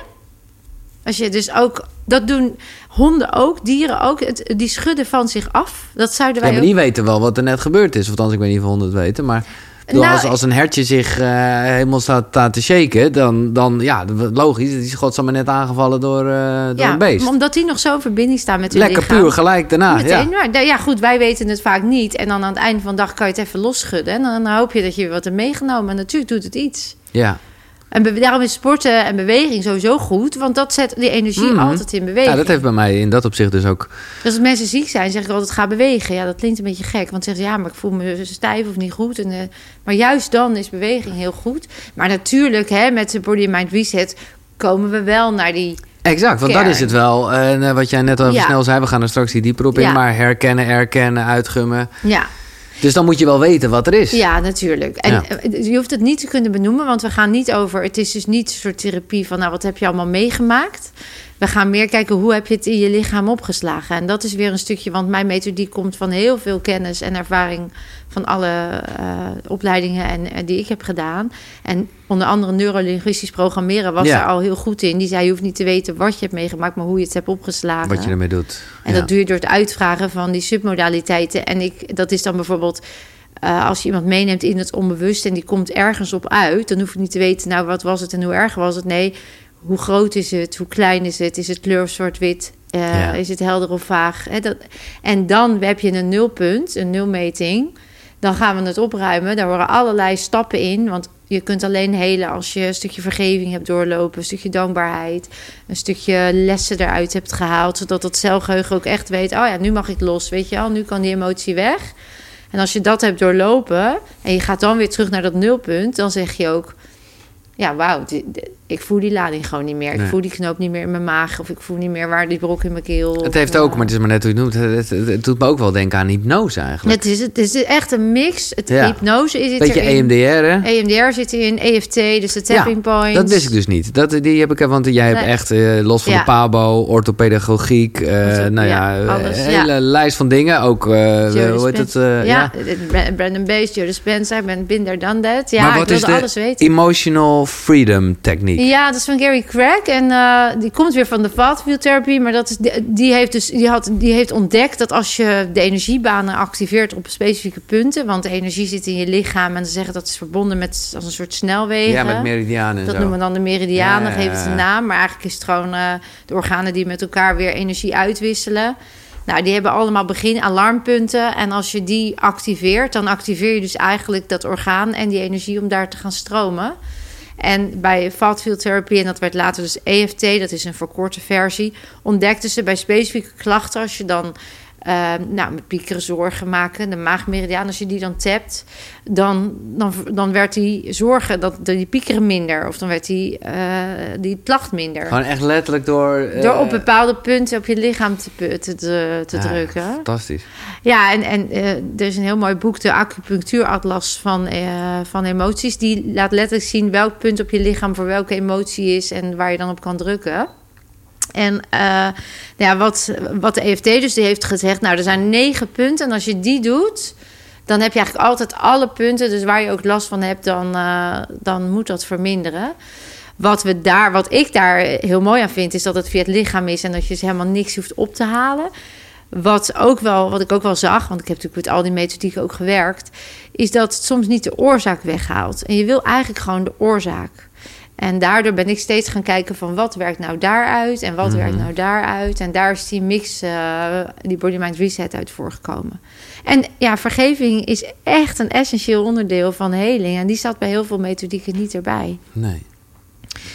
Dus zo heb ik die. Uh... En wat is zo, uh, ja, zo, ik bedoel, zonder dat het gelijk een soort private consulting wordt waar we een gesprek hebben, maar ik ben gewoon nieuwsgierig. Ah, ik wil je best wel een sessie geven, voor Giel. Vind nou, leuk? Nou, ik ben gewoon vooral nieuwsgierig wat jouw eerste. Jou, ja, je gaat ook gelijk denken: oh, oké, okay, zit het zo bij hem. Maar als ik gewoon jou eerlijk vertel dat ik gewoon weinig voel eigenlijk. Mm -hmm. Maar hoe weet je dat je... Laat ons ja. laat daar eens mee beginnen. Hoe weet je dat je weinig voelt? Nou, ik weet in ieder geval, zo begonnen... Ik weet dat ik, uh, dat ik uh, de spieren niet kan bedienen. Dus dat is gewoon okay. meer een soort connectie. Waarbij ik gewoon weet, als mensen zeggen... ja, span je buikspieren aan. Dat ik echt denk, ja... Uh, hoe doe ik dat dan? Hoe doe ik dat dan? Ja. Dan ben ik inmiddels... Ben, ben ik daar aan het trainen. Aha.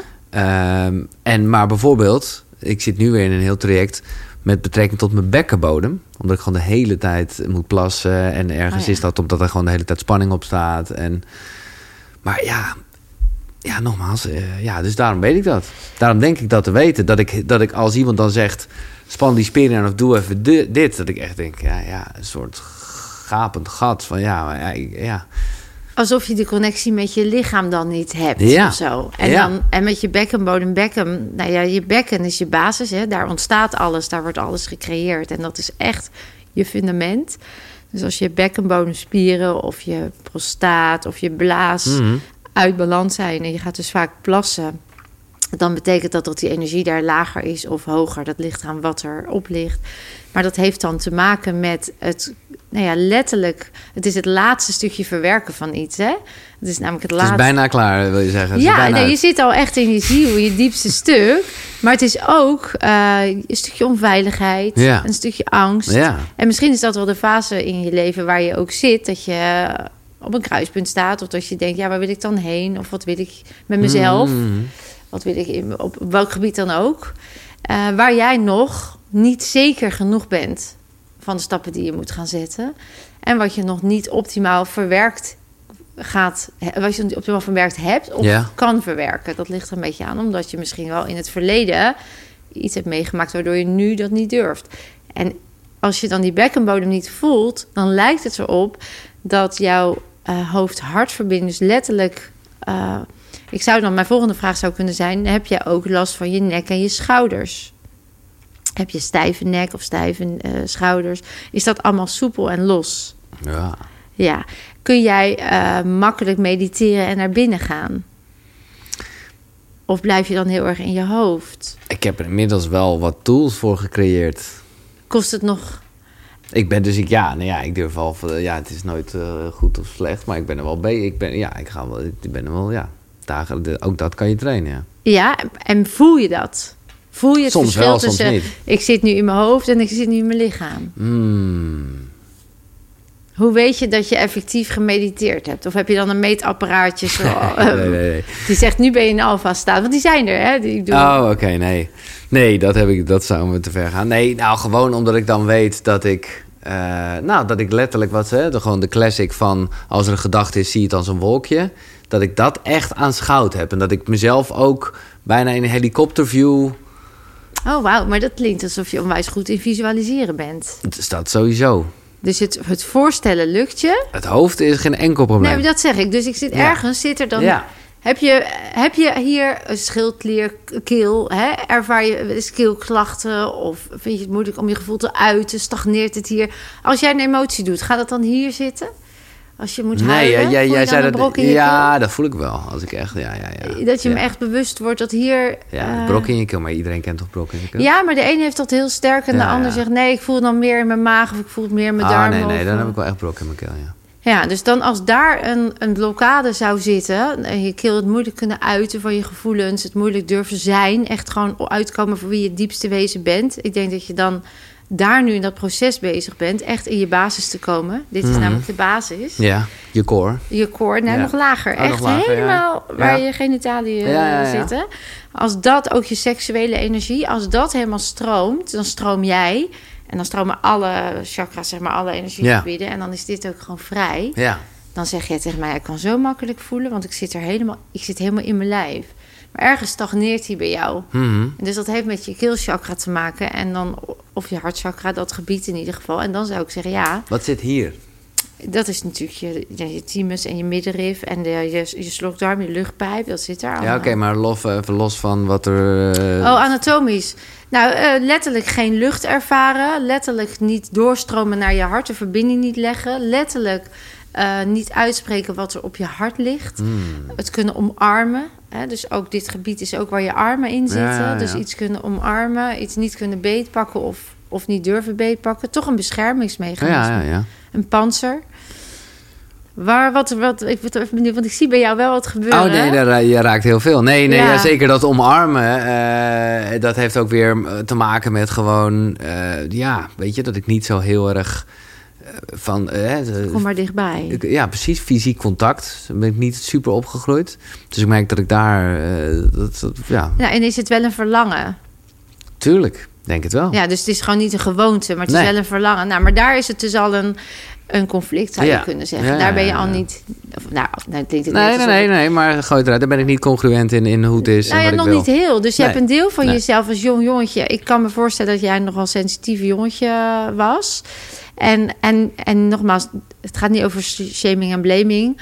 Er kon gewoon een deel van jou niet zijn. Nee. Omdat dat niet begrepen werd, omdat het niet de norm was, omdat het niet zo Mhm. de gewoonte was. En wat we dan doen is, we, we sluiten eigenlijk dat deel een beetje af. Ik, ik, ja, ik vergelijk het altijd alsof het in een kolenhok stopt en de deur op slot. Maar ja, ga maar na. Als jij iets in een kolenhok legt wat leeft en die deur op slot, dan verwaarloos je dat. Maar dat scheelt wel. Dat wil aandacht, dat wil liefde, dat wil eten, dat wil... eh, Maar ja, daar heb je inmiddels zo'n muur mee gebouwd Ja. om daar niet naar te luisteren. Want Ja. eh, hallo, die pijn, daar willen we niet meer in. En die beschermingsmechanismes, dat is blowen, roken, overcompensatie. Nou, je kent ze allemaal wel. Ja, en zolang we daar niet doorheen gaan, komen we al helemaal niet in die binnenste laag. En dan gaat dat lichaam dus reageren. En ik denk dat jij nu zo op weg bent naar je fundament. Dat, dat plassen is daar echt een mooi voorbeeld van. Maar dat dus de, de eerste stap is om wel echt het lichaam dan ook in te durven. En jezelf te omarmen ten volste. Mhm. Dan kan je natuurlijk iedereen omarmen ten volste. Oké. Nee, en hoe gaan we dat doen, Vilna? Ga door. Ja, Ja, eh, oké. Nou, ik ben blij dat je ervoor open staat. Dat vind ik dan wel heel mooi. Hè? Je, je, je gaat niet in de weerstand. Oh nee, maar ik bedoel, ik ken geen, echt totaal geen schaamte of... eh, je mag kwetsbaar zijn. Ja, Ja. ja, maar ja, nou ja, ja. Ja en nee. Nou, het voelt helemaal niet als een soort kwetsbaarheid. Nee. Omdat, maar ja, dat is misschien een beetje het gevoelloze bijna eraan. Dat ik denk, ja, er valt toch niks te raken. Nou ja, voor mij, als ik hem zou mogen... eh, Ja, ja. Wat ik nu voel, is dat het gaat over de diepe verbinding met je, met je diepste zelf. Gewoon, Mhm. wie ben ik? Waar sta ik voor? Wat wil ik neerzetten in het leven? Wat is eigenlijk jouw missie in het leven? En op het moment dat dat stroomt, stroom jij en dan klopt het. En, en voor een deel leef je dat. En voor een deel zitten er nog een paar belemmeringen, blokkades... die dat nog met je hoofd tegenhouden. Ja. Herken je dat? Ja, ja, ja. Ja, en als ik een reset zou doen bij jou en als ik jou mee zou nemen, je bent welkom trouwens, dan zou ik echt die, die muren en dat helemaal weer integreren en jezelf weer omarmen. En in de Body Mind Reset is dat dus dat is zo'n belangrijk onderdeel. Dan kom je tegenover je ik te staan die in dat kolenhok zit, zeg maar. Dat, Dat stukje, ja. en die moet je weer helemaal integreren in jezelf. En, en dan neem ik je echt helemaal mee op die reis. En dan klopt het weer. Dan ben je dus letterlijk heel. Zo, daarom is het boek ook heel. Het heeft meerdere functies, meerdere betekenissen. Heling in genezen, maar ook heel zijn. Hè? Dus dat deel wat niet mocht zijn, weer terugzetten op zijn plek. Waardoor in het celgeheugen ook weer jij kan zijn zoals je was bedoeld. En dat is dus dat omarmen van jezelf. En jij kan daar zelf al mee beginnen door gewoon letterlijk s'avonds tegen jezelf eh, te zeggen of als je aan het mediteren bent. Elk deel wat van mij, wat ik nog niet kon of durfde te Mhm. zien, mag weer komen enzovoort. Dat affirmeren. Ik doe dat altijd met eh, handen en voeten gekruist. Ja, gekruist, hè? Ja, dat is omdat dan de energiebanen ook makkelijker kunnen stromen. Want die lopen vooral kruislinks. Ja. Dus daar activeer ik het mee. En ik zet het dan vast met die oogbewegingen. Dus als ik dit Dat soort is een beetje EMDR-achtig. dat is echt het integreren van Ja. het nieuwe in het brein, letterlijk als een nieuw zaadje. En dat zet je dan vast. En dan, maar ik, ik, moet, ik dacht van ik wil het gewoon, eh, maar nu zitten we er toch zo eh, over te praten. Eh, ik snapte niet helemaal op papier hoe dan de ritsbeweging werkte. Op het Oh, ja. einde, je schaambeen. Ja, vanaf het schaambeen helemaal naar boven. Oh, nu is het. ja, en dan zo in een kokonnetje. Dat is het einde. Ja, dat- want dan sluit je jezelf dus even af van alle prikkels van buitenaf. Je activeert weer de hoofdmeridianen, zeg maar. Je, je ja, activeert je hoofd-hartverbinding.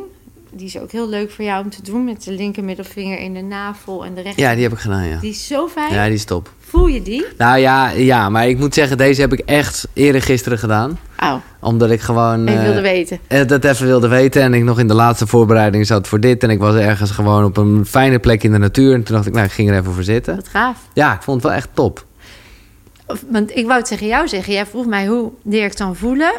Nou, die hoofd-hartverbinding blokkade, die mag los. Op het moment dat je daar komt, kom je ook in dat basisfundament. Hoeft dat tweede plassen ook niet meer. Want dat is allemaal nu een signaal van jouw lichaam. Op het moment dat je dit, deze dus gaat doen, activeer jij bij jezelf die hoofd-hartverbinding. Ja. Jij doet het nu zo, je moet toch één centimeter erboven? Ja, zo trek je hem omhoog. Ja, oh, je moet hem Ja, omhoog je trekken. trekt oh, oké, oké. En dan activeer je het. En als ik hem doe, ik voel ook wat En ook bij je navel trek je dus ook zo Ook, omhoog. allebei. Hoe heet deze techniek? Hoofd-hart verbinden. Oh ja. En dan trek ik hem omhoog. En ik voel nu ook dat ik dan... Ik wil echt even... hè, Zie je, mijn lichaam gaat gelijk. Hmm. Ja, ja. En dat is ook het effect. Je verbindt conceptie en gouverneursvat. En dat is dus hoofd-hart-verbinding. En dan zak je ook het lichaam in. Ja, eigenlijk, maar dat is ook letterlijk omdat je je navel ruikt. Maar dat is meer eh, een, een vorig koekeroegesprek... wat juist heel erg ging over de buik. Hè, dat is Ja, het, dat, het- Je basis. ja, Ja. dat noem jij de basis. Ja, Ja. precies. Ja. Dat is waar alles begint. En waar alles ook zich... Ja, eh, hier, dit is echt je maar je hoort basis wel veel mensen over het hoofd, je hoort heel veel mensen over het hart... maar je hoort niet zoveel mensen over, over de buik core. eigenlijk. Terwijl over dat je basis is. Als het hier niet goed gaat, dan... eh, dit is ook... Je je hebt zeg maar zeven energievelden voor je lichaam. Die heeft een of andere Gura chakras genoemd. Wat is in de neem? Het gaat erover dat het overal... is- Alles is energie. Ja, En hier zit een soort draaikolken die, die filteren jou van de energie van buiten en die zorgen dat jij optimaal functioneert. Dus als daar al een verstoring in zit, kan je ook klachten ervaren. Nou, die basisenergie, ze, ze hebben zeg maar zeven hoofdchakra's, dat is allemaal met elkaar verbonden. Net als je organen. Dus als er ergens in het tandwiel iets het klem Mhm. zit, komt die energie ook niet hoger en ook niet lekker daar. Dus nee. Maar als ik hem bij jou zou doen, dan zou ik eh, de reset doen op eh in eerste instantie waar kon jij jezelf niet zijn, waar mocht jij jezelf niet laten zien. Maar ik ben benieuwd of ik dat ga weten. Want kijk, ergens voelt wel een soort algemeen gevoel in dat kolenhokje. Maar ik heb niet... eh, maar goed, misschien is dat in de nou ja, sessie ik denk wel. dat jij een, in de sessie zou ik, nou ja, we kunnen even het begin van de sessie doen, Mhm. zeg maar. Is er onlangs een situatie geweest waar jij voelde dat je niet gehoord en niet gezien werd? Of dat je voelde dat je twijfelde over de route waar je heen wil? Ben je veel aan het nadenken over de route waar je heen wil? Nou, iets minder. Minder dan ooit eigenlijk, relatief. Maar altijd nog wel, natuurlijk. Je bent er nog niet uit. Nou, ik durf er nog niet heel aan toe te geven. Nou, maar daar heb je hem. Dus er is nog een Ja, soort conflict. Ja, ja, absoluut. En dat conflict, is dat, is dat, heb je een situatie waar zich dat nog weer in manifesteerde? Dat je zat op een keuze of dat je dacht, ja hier, hè, ik weet het eigenlijk nog niet wat ik hiermee wil. Is dat vrij recent geweest? Mag ook iets eerder zijn, hè? Het hoeft niet te recent, Nee, nee, maar dat het weer even opspeelde. Dat je er weer even over aan de piekeren ging, of over aan het nadenken, of in een gesprek met iemand. Ja, tuurlijk. Ja, heb je zo'n herinnering?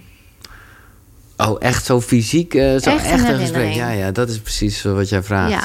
Hmm. Dat je echt even, nou ja, ja, wat wil ik nou? En, en hoe zit dat nou? Hoe ga ik dit dan invliegen? Nou ja, nee, maar dat is, dat is echt net gebeurd nog. Oké, Eh, maar heel klein iets, waarbij ik gewoon even wordt gevraagd, wordt gevraagd om iets te doen voor de radio. Oh, waarvan ja. ik wel denk van ja, wil ik wel doen, moet ik misschien ook doen. Maar ja, ik heb eigenlijk dan de Vipassana-ding staan. Eh, en toen gingen wij deze opname in, dus ik dacht Ja. oké, eh, laat, laat maar maar even. even los. Maar wel dat ik denk, hmm, ja, eh, nou ja, dat, dat is, ik bedoel, ja, het is allemaal luxe, maar dat is een beetje, dat zijn ook wel conflicten in, me, als het hierover gaat. Ja, en, nou, en dan is het een heel mooi voorbeeld. Het is precies waar het over gaat. En dan zeg je dus aan de ene kant...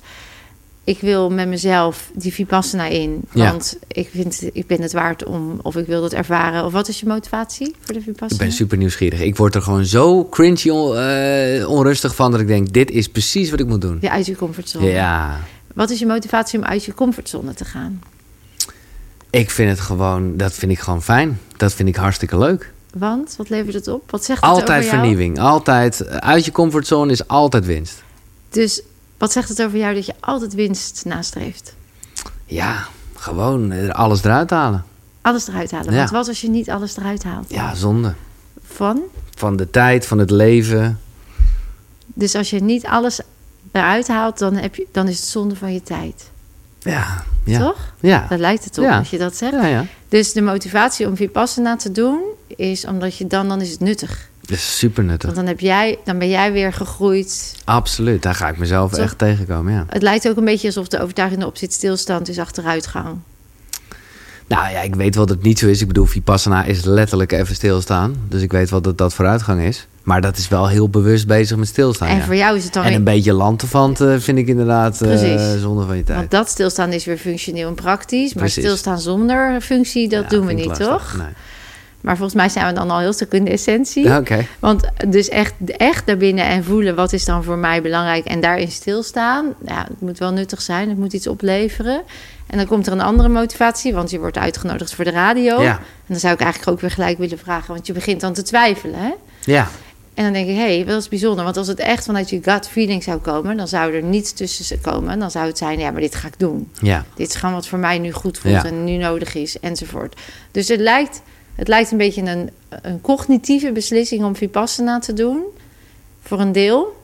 Versus ehm, echt heb Wat, wat is cognitief? nou ja, wat ik net zei, van ik, ik neem omdat ik denk dat het goed voor me is. Oh, zo. In plaats van dat ik weet dat het goed voor Oh nee, nou ja, oké, ja, nee, maar ga Of niet? Nou nee, dat voelt wel heel erg juist, want, want cognitief zou ik zeggen, doe het niet of zo, weet je wel. Er zit heel veel, maar ik, Ja. ja, de weerstand ga je aan, maar dat is jouw overtuiging. Ja, dat is mijn overtuiging. Dus Nee, die ga is je wel aan. ja. Maar het lijkt alsof het... Want als ik echt voel dat het het allerbeste voor me is... Nou, dan kan iemand met een miljoen tegenover me staan. Ja, nee, maar ik ga het ook wel doen. Ik weet zeker dat ik het wel ga doen. Alleen ik vind het wel lastig, want dan moet ik dat weer een beetje rechtbreien. En dan zeggen, nou kan die, eh, dat kan niet, maar kan wel dan. En wat maakt het dan eh, lastig om in jouw woorden te blijven? Nou, dat, dat, je anderen teleurstelt? Ja. Of dat je... dat. Oh. En eh, ook, ook, nou ja, laat ik het meer op mezelf betrekken. Ook omdat ik daarmee denk, hmm, ik ben relatief nieuw hier. En ik vind ook wel dat ik gewoon even eh, me, goed... Ik moet mezelf even de goede, de Ja. goede kant laten zien. dat ik dus- betrokken ben Dus en ja, dus ja, dus... commitment heb. Exact, Dus ik moet, ik moet voldoen. ja. Ik moet voldoen aan een beeld wat anderen misschien wel van mij hebben. Ja, ja, heel erg. Mag ik nog een persoonlijke vraag stellen? Zeker. Zit daar ook een stukje financiën bij? In dit geval niet. Nee. Dus het is echt puur vanuit loyaliteit. Ja. Ik moet voldoen aan een beeld anders dan. Ja, weet ik niet. Anders dan, ja. Wat als je er niet aan voldoet? Ja, in dit concrete voorbeeld maakt het natuurlijk allemaal niet zo gek veel uit. Nou ja, in jouw hoofd, In mijn jouw hoofd blijkbaar wel. celgeheugen, Ja. die zit er later Ja, op. ja, dat is waar. Dus je bent niet vrij om te zeggen... jongens, ik zit bij Vipassana en dat is voor mij nu het beste... want dan ben ik de beste versie van mezelf. En dan heb je nog meer aan mij als ik terugkom. Mm, wat, het is wel wat het is, ja. Ja, ik weet niet. Waarom maakt het je uit wat andere mensen vinden? Ja. Wat Ja. zegt dat dan over jou? Nou, dat ik, dat ik, ja, dat, dat ik eh, me daar wel veel van aantrek. En, en wat zegt het over jou dat je je veel aantrekt? Nou, ik vind het wel jammer als ik het zo hardop zeg, moet ik zeggen. Het is een mooi inzicht, toch? Het is een mooi Het is inzicht. een cadeau Nee, het is een cadeau. Nee, dat- zo zie ik het ook. En ik weet het ook eigenlijk wel. Maar wat zegt het over mij dat ik het belang... Nou, dat ik gewoon onzeker ben. In dit stuk, hè? Want Ja. we pakken even dit ja, ja, stuk nee, eruit. er zijn heel veel dingen waar je zeker over doet. En dit is even waar je nog jezelf ontmoet, zeg ik altijd. Ja, ja, ja. ja. Onzeker in, eh, ik moet voldoen. Want als ik niet voldoe volgens het beeld van anderen, dan... Nou ja, kijk, uiteindelijk kom je dan weer terug bij een soort basis... waarbij Mhm. ik vooral heel erg tegen mezelf... Nee, moet zeggen, klinkt gelijk zo... maar mag zeggen dat ik goed genoeg ben. Kijk, dus dat... En Ja. die twee, Ja, Dus die bewijsdrang en ik moet uit mijn comfortzone en ik moet gaan. Want anders hou ik er niet anders uit. En dan bewijs ik niet dat ik goed genoeg ben. Versus loyaliteit. Het komt elkaar dus hier tegen. Ja. Dus de kern van jouw blokkade is, en dan komt hij weer bij die basis, Ja. is ik ben goed zoals ik ben. Zelfacceptatie. En waar blijkt die nou te zitten? Nou, in Ja. bij die blaas. En die, dus als jij, als we dan nu, hè, dus de kern, die zou ik dan, die zou ik dan willen testen bij je. Is Ja. dit ook echt wat het lichaam nu wil oplossen en wil helen? En dan zou ik jou in de reset meenemen. Ik zeg maar gelijk even, we- hebben toch even een knip gemaakt. Want we hebben net een eh, hele intense sessie achter de rug. Ja. En maar echt ook net. Jij zegt dat je helemaal... eh, eh, van de oksels. ja, Bloed heet. Het ging bij jou zo stromen, alles ging transpireren. Eh, je ging ontladen, het lichaam ging schokken. Ik weet niet Ja. of je dat hebt ervaren. ja, ja, ja. Ik voelde tranen voor jou. Ik voelde ook wel tranen. Ja, ik ben... Ja. Ik Ja. heb voor jou gehuild, dat Ah, ging mooi. goed. Ehm, ik, er is echt al heel veel gebeurd. Maar voel jij maar. Ja, ik, ik, kijk, ik, ben, ik, weet, ik weet gewoon niet... Als ik dit gevoel vasthoud, eh, lekker. Wat Ja. voel je dan nu? Nou ja, ik voel... Dat is gewoon wel raar. eh, maar ik heb ja, dat ik gewoon letterlijk voel dat ik wat groter ben. Dus dat, dat, ik zit ook echt zo te kijken. Ik denk, jezus, wat eh, is die tafel laag? Wat een beetje een soort raar Ja, iets je bent letterlijk geuplift. Ja, dat, dat voel ik wel. ook, Ja. En ehm, ja. Ik, ja, voor mijn gevoel, maar ik weet dus niet of het heel veel zachter is geworden. Maar in mijn hoofd in ieder geval wel. Gewoon een beetje. spanning op. Ja, Nou, dat is zeker gebeurd. En het, celgeheugen zie ik altijd als een soort propeller. Dus we hebben nu een soort reset. Nou, we hebben een reset gedaan. En dan is die propeller die zeg maar heel hard aan het werk was, die is nu op uitgezet. En dan zie je soms dat dat wat langzamer gaat draaien. Het zou- zou zomaar kunnen over een uur of over. Ja, ja, dat ja. je zegt: Oh my god. Het is. Ja, dat. ja, ja, ja. En dat, dat gevoel wat je nu omschrijft, van dat je echt letterlijk, dat is ook letterlijk gebeurd. Ik voelde ook heel erg toen ik jou vast had, dat je groeide, opgroeide Mhm. vanuit die kracht. Eh, en alles wat je nu voelt is gewoon nog in jouw lichaam is gewoon nu compleet in beweging. Dus ik, Dat, ja, eh, voel ik, dat voel ik sowieso ook wel zo. Maar dat is natuurlijk ook een. ja. Ehm, Ja, daar zitten we dan. daar zitten we dan. Ik wil even zeggen dat ik heel dankbaar ben dat ik bij eh, deze reset mocht doen. Ja, nee, ik vond het ook heel mooi. En ik dacht ook echt van, ja, ik hoop niet dat je het voelt als een soort trucje, eh, kunstje opvoeren. Nee, zeg je helemaal niet. Dan zou ik het niet Nee, gedaan dan heb je hebben. het ook niet nee, gedaan. Nee, ik voelde nee. echt... Ik zou je sterker nog vertellen, Giel. Ik lag gisteravond in bed. En eh, ik wist natuurlijk dat ik hier naartoe zou gaan. En ik wist gewoon dat jij die reset moest doen. Ja, oké. Dus ik had eigenlijk wel... Ik ben een beetje voorbereid misschien Ja, wel, ja, ja, oké. onbewust. Niet met het idee, ik ga het doen. Maar toen jij daarover begon en we gingen naartoe, dacht ik... Ja, als je wil, doe ik hem. Ja. En is dat nou iets wat je normaliter, is dat gewoon nu één keer het cel aangepast, that's it? Of is nee, het, kijk, dat ligt een beetje aan. Kijk, het ging bij jou nu een beetje heel eh, snel. En Ja. eh, we gingen er gewoon in en we pakten Ja. het momentum. Dat is natuurlijk te gek. Dat zijn de mooiste momenten, omdat het dan ook aandient. En dan pak je wat zich aandient. Ja. Ehm, wat ik zei, er zitten natuurlijk laagjes. En we kunnen in jouw lichaam nu wat je lichaam aan kan en aan wil. En dat was bij jou behoorlijk ver en behoorlijk diep. Want ik heb het gevoel dat we al verder kwamen dan, dan op je tijdlijn, zeg maar. Eh, maar er kwamen heel veel dingen bij, bij elkaar. En ehm, wat, er nu, wat er nu is gebeurd, is dat we al heel veel lagen tegelijk hebben weggehaald. Wat ik, wat ik me kan voorstellen is dat jij echt al... Je gaat echt fysiek een verschil ervaren. Dat durf ik eigenlijk wel te garanderen. Het kan ook zijn dat je doordat je nu in een dieper bewustzijn komt... meer in je lichaam, minder in je hoofd... dat je dus ook dingen gaat ontdekken in je lichaam... Die je voorheen gewoon niet, waar je gewoon niet bij kon. En ik zou zeggen tegen mensen: onderhoud jezelf net als dat je traint in de sportschool. Zou je ook jezelf gewoon af en toe moeten resetten. Ja. Want we doen gewoon dingen. We nemen dingen waar die we niet bewust waarnemen, die wel als een soort vuilnis in ons lichaam komt. We komen op stukken die nu getriggerd worden, maar waar je voorheen nog niet mee te maken had, maar nu ineens wel, die in eerdere eh, vroege levensjaren ontstaan zijn. Nou, pak hem dan beet. Als die zich nu aandient, doe dan die reset. Gun Ja. jezelf dat dan, want dan is die daar en dan komt dat laagje nu naar boven en dan kan je dat verdere bewustzijn in.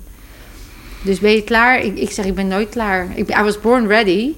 En tegelijkertijd mag ik blijven ontwikkelen. Groeien is altijd, ja. Maar wel vanuit kracht. En dat wil ik, dat bewustzijn is zo Maar doe jij dat dan bij jezelf of hoe werkt Ja, dat? inmiddels kan ik dat. Ik heb, eh, ik heb hem opgenomen, de hele reis, zeg maar, op mijn eh, hele sessie op mijn telefoon. Dus ik spreek het voor mezelf in. Oh, echt? En dan kan ik mezelf begeleiden. Ik merk wel dat als ik begeleid word, dan, is dat, dan zit ik, ben ik nog minder met het proces Ja, bezig. En dan is dat nog wel een stukje lekkerder. Gewoon aan de hand worden genomen door iemand anders. Ja, maar wat ik wel iedere dag doe, zijn de dagelijkse oefeningen.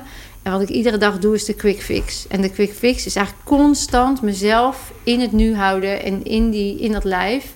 En dan affirmeren op wat voor mij nu voelt als nodig. Weet je wel? Dus dan kruis ik mijn handen en mijn voeten. Mhm. Ik voel even waar is op dit moment onrust in mijn lichaam. Of waar voel ik dat ik nu aan wil werken. En daar ga ik echt even naartoe. Dat gum ik uit. Ik haal de leermomenten eruit. En ik affirmeer wat ik dan wel wil. Dus waar ik mee eindigde met Ja, jou, ja, dat je lekker zo gaat staan. Ja. Dan dat. Nou, dat zou ik jou ook mee willen geven. En dan nu, in combinatie met die dagelijkse oefening... dat tappen onder de sleutelbeen, tussen de borst, onder de borst, naast de borst... en dan dichtritsen. Dus eerst even alles aanzetten, zodat het lichaam kan gaan stromen. Dan kruislinks gaan staan. Dan voelen waar je vanaf wil, daar naartoe gaan. De leermomenten eruit. Nieuwe ervoor in de plaats en affirmeren, kruislinks.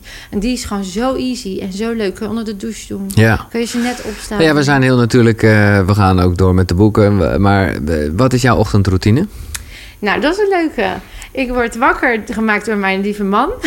Die komt mij altijd een lekkere hete water met eh, gember en citroen brengen. Ah, ja. En dan eh, gaat hij eh, douchen. Dus hij komt me echt even wakker maken. Dat is echt super. Doet hij al vanaf dat moment dat we wat hebben samen. En ehm, dan ga ik beginnen met mijn dagelijkse oefening. Dus ik ga op de bedrand zitten. Ik ga de tappen doen. Ik ga hoofd-hart verbinden. De detoxpuntjes pak ik er dan nog bij. Ik heb daar een filmpje van op YouTube als mensen dat willen zien. En dan ehm, eh, zeg ik een mooie affirmatie die voor die dag eh, fijn is. En dan ga ik eh, of sporten. Eh, meestal ga ik sporten. Ja. En dat kan zijn hardlopen of lekker iets van een 7-minute workout. eh, en dan douche je koud af. Ja, ja. Volledig koud? Gelijk al in het begin? Nee, nee, Nee, dat, eh, ik ga echt... nee, Nee. ik ga echt van warm naar koud. Het ligt een Ja. beetje aan. Als het zomer is, Ja, dan, nu hè, is het makkelijker. Ja. ook. Ja. Eh, zodat ik dat cardiovasculaire systeem lekker aanzet. En dan droog ik mezelf af door de meridianen. Oh. dat is wel heel leuk. Dat is een leuke tip. Ja. Van onder naar boven met de handdoek en weer terug. En dat doe je ook aan de voorkant. En de armen die, die droog je af naar voren toe. Zodat ik alle meridianen in de goede richting heb Maar gehad. echt, echt, een- echt... Met de handdoek. Ja, ja. Dus van onder en hè, dus Ja. naar boven. En dat doe je voor ook. En dan dus met de handdoek nog de armen. En Hmm. dan heb je al je meridianen eigenlijk gespoeld Hm. en geactiveerd.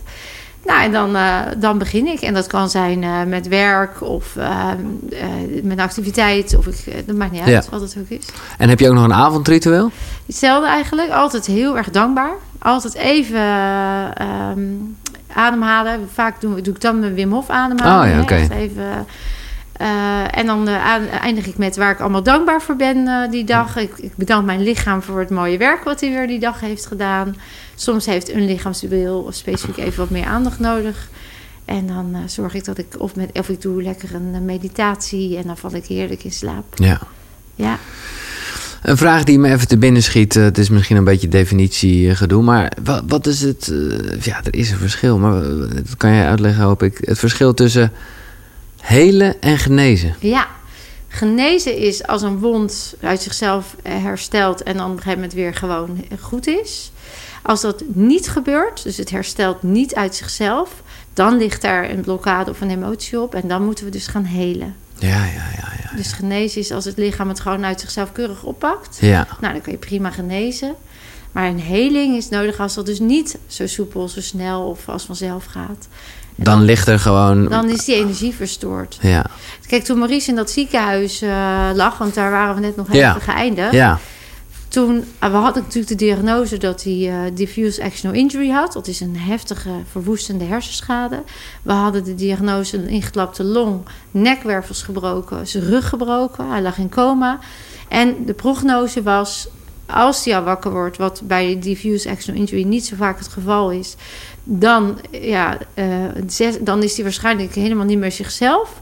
Dan moet hij zes maanden intern revalideren, zes maanden nog daarna extern. Ja, Ja, en dan moeten we nog maar hopen dat hij nog überhaupt kan functioneren. Mhm. Dat was eigenlijk het toekomstbeeld.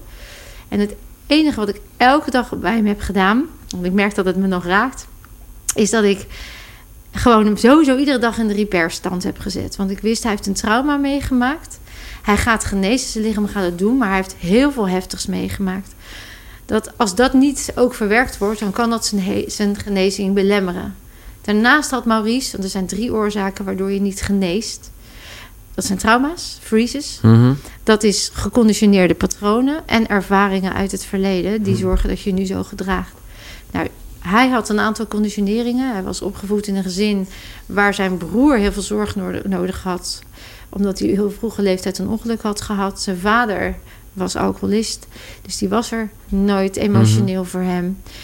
Eh, dus hij is een straatvechtertje geworden. Weet je? Hij is allemaal zelf. Ik kan het allemaal alleen. Ik doe het allemaal zelf wel. En wat ik doe moet goed, want ik mag niet falen. En die programma's die dagen altijd al bij hem heel sterk aanwezig. Ook in ons huwelijk was dat ook wel soms een uitdaging. Omdat ik dan juist die verbinding zocht. En hij, nee, laat me maar, ik doe het allemaal zelf. En ehm, nu was letterlijk waren zijn nekwervels gebroken. Dus de verbinding tussen hoofd en hart was open. Maar mensen die in coma liggen... en dat klinkt voor mensen die alleen maar medisch naar kijken een beetje gek... die hebben letterlijk durven die niet meer naar buiten. Die hebben dus een, een onbewuste motivatie om daar te blijven. Nou, als je realiseert dat hij had, ik moet allemaal alleen doen... en ik mag alleen maar mezelf, doe alleen maar, mag alleen maar gezien worden als ik het goed doe... dan snap je dat hij een motivatie had, onbewust, om in coma te blijven. Ja, ja, ja. ja. Want in zijn beleving had hij gefaald. Een motorongeluk zou hem nooit gebeuren. Dat zei hij ook altijd. Want ik vond het altijd wel een beetje spannend, die motor. En dan zei hij altijd, nee, want ik rijd zo goed. Dat kan ik. Hè? Ik beheers mezelf en ik... eh, En, en dat... Dus toen ik met hem eerst in de repairstand... Dus de energiebanen, kruis links, alles rechtgelegd, of schuin. Dan hypnotische inductie op dat programma. Dus eerst hem weer wakker krijgen. Wat houdt jou in coma? Wat vertelt jouw lichaam mij nu? Nou, dat waren die programma's. Dus een resetje op dat. Nou, binnen 20 minuten was hij wakker. De verpleging, Echt? Serieus. De verpleging staat erbij. En die stonden echt, want die gaven hem pijnprikkels. Hier, hier. Die stonden erbij, die keken ernaar. Die zeiden, we, hebben al, we zijn nu al gisteren en vandaag bezig geweest. We hebben het nooit voor elkaar gekregen. gekregen. Jij doet het gewoon in 20 minuten. Hij Ja. opende zijn ogen. Was hij alweer de oude Maurice? Nee. Hij was er wel en hij was er niet. Nou, dan heb ik een aantal dingen. Het hersenen, die gaven aan van eh, je mag weer gaan verbinden. Want ik wist, als ik nu niet die hersenen ga stimuleren... dan kan die zomaar een kastplantje worden. Gelukkig wist ik veel over het brein. Ik wist welke gebieden vooral aangetast waren.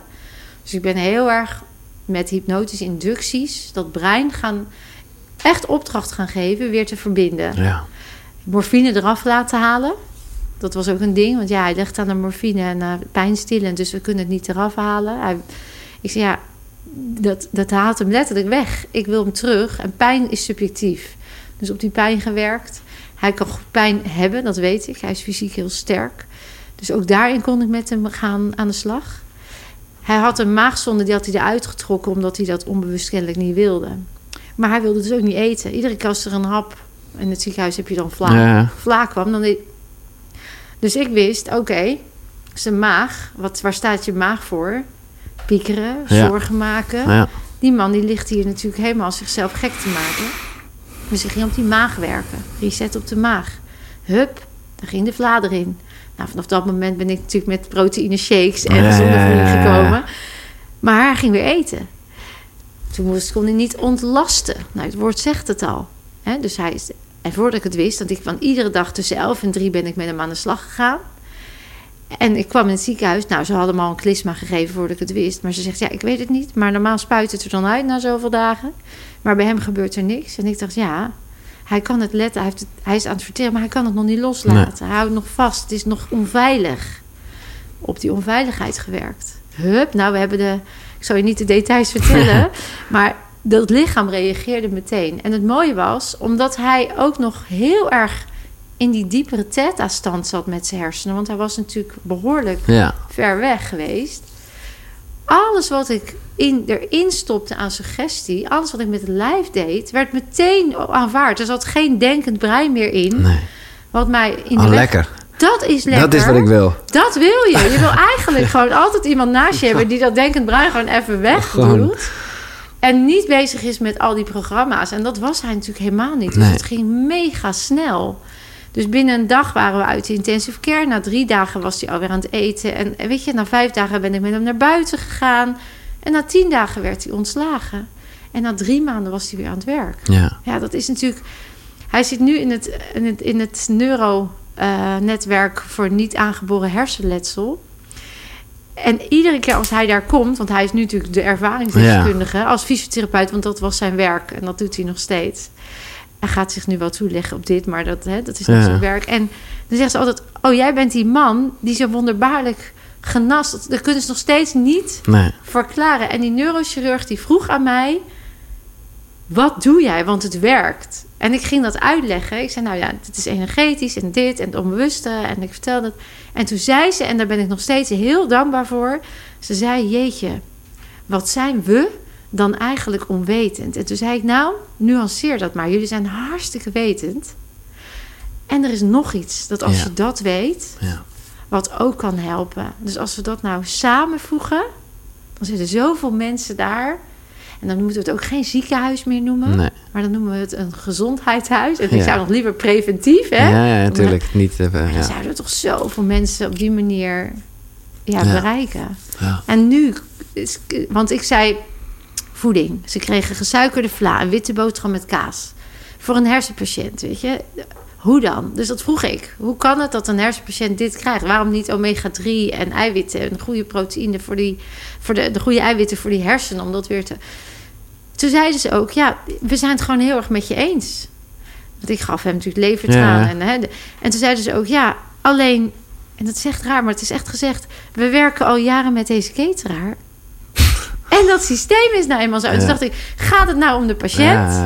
Of gaat het nou om het systeem? ja. Dus ik heb gewoon alles aan de kant geschoven. En ik heb gegeven waarvan ik wist dat hij daar baat bij zou hebben.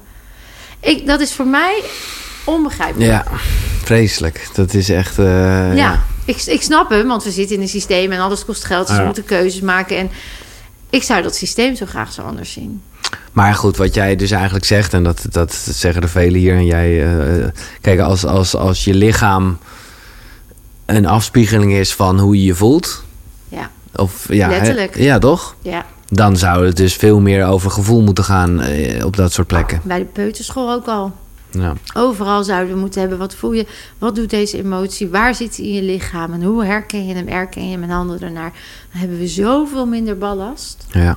Stel je voor dat we op basisscholen, Giel, lekker allemaal leren mediteren. Hmm. En leren voelen. Ik denk echt wel dat we naartoe gaan hoor. Ja. Ik gaf laatst een les op een basisschool. En ik had mijn lespakket geschreven, lekker in je vel. En dat Ja. gaat over alles behalve IQ. En ik geef dat dan nog soms op scholen. En ik was dus laatst op een school en ik stond daar voor die groep. En dat zijn kinderen in de groep 7, 8, hè, dus de laatste twee Ja, jaren. En ik zei, oké jongens, we gaan allemaal in die ruimte staan. We gaan allemaal in die zaal. En dan zoek je een plek op waar je zo helemaal niemand raakt. Het is jouw space. Ga maar in jouw space en dan gaan we de ogen dicht doen. Dat kunnen ze niet. Dat vinden ze dus doodeng. Ja. Out of control. Ja. Nou, vervolgens leid ik ze daar natuurlijk in. Dus op een gegeven moment stonden ze dan allemaal met de ogen dicht. En alleen kijken wie het langste volhoudt. Dus een soort wedstrijd. zo, ja, ja. Wie dan de aandacht het dichtst bij zichzelf kan houden. Hè? Dus zo. En dan gaan toch sommigen zo. En dan moesten ze stilstaan. En dan gingen we alleen maar voelen. Wat voel je nu in je hoofd? En wat voel je nu in je nek? En wat voel je nu... Hmm. En kinderen die gaan alle kanten op. Die gaan weer in hun hoofd. Die gaan Ja, gek doen. Die kunnen niet omgaan met naar binnen gaan nog. Dan zijn ze hartstikke jong. Ik denk, als we dat nou vanaf Ja, jongs af ja. aan al hadden aangeleerd... dan zou dat zoveel makkelijker zijn. Dus het is wel een mooie streven. En ik geloof erin dat we daar naartoe gaan. Ja, 100 procent. En mede door jouw prachtige nou ja. pod- podcast draag je daar natuurlijk aan bij. Ja, Eh, oké, ja, bedankt. Eh, waarbij ik nog wel even, dat las ik ergens, dacht, oh, dat, dat moet zeker eh, nog erbij worden genoemd. Want kijk, luisteren naar je lichaam, nou, ik, Ja. ik, ik vind dat, nou ja... Maar toch deed je het net. Nee, ik, ik ben. Als vanzelf. Ik voel dat ook helemaal. het komt steeds dichter bij me te staan. Maar het is vooral. Dat betekent niet. Dat, dat is eh, wat ik jou ergens las en dacht ik, oh, ja, dat is wel belangrijk. Dat betekent niet eh, eh, zozeer dat je de pijn aandacht moet geven. Nee. En dat is ja, maar dat is een soort nuanceverschil ja, natuurlijk. hè? Klopt. Dus misschien kan je dit iets duidelijker duiden. Pijn is vaak het signaal, wat ook afleidt om wat erachter lag. Hè? Die, die, dat is eigenlijk de beschermlaag die er om de achter lag, welke emotie daar dan in zit. En dan zijn we Mhm. geneigd om die pijn helemaal daarop te gaan werken. Terwijl als we naar de emotie gaan die erachter ligt, verdwijnt de pijn. Want dan is die bescherming niet meer nodig. Precies. Dus echt de bron aanpassen. Echte bron. En niet gaan... eh, nou, Oké. Ja. Eh, ja, we zitten nog midden in... eh, ja, dat gaat, dit is dus de meest vage show ooit, maar I love it. Wat, wat is een ander boek? Oh, oké. ja, dan pak ik even weer mijn tas erbij. Mooi moment. Ja. Ja, ik heb er een paar. Ehm, wat een ander boek is, is deze. Van Donna Eden. Energetische geneeskunde. Ja.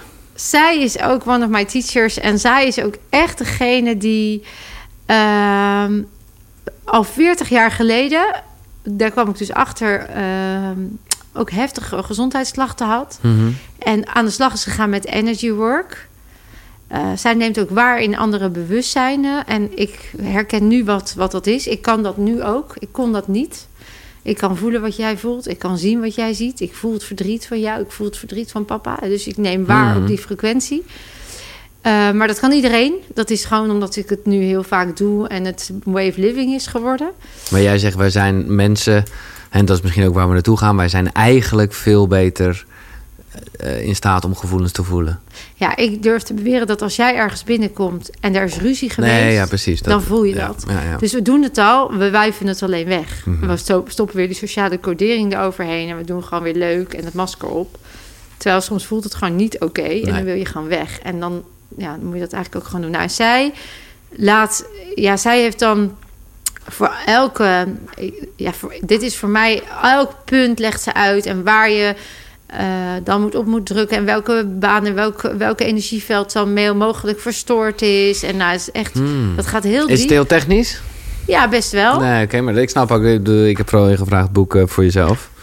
En, en voor mij was het gewoon meer een eye-opener. En wat, wat eigenlijk eh, Gary Craig heeft gedaan met de EFT.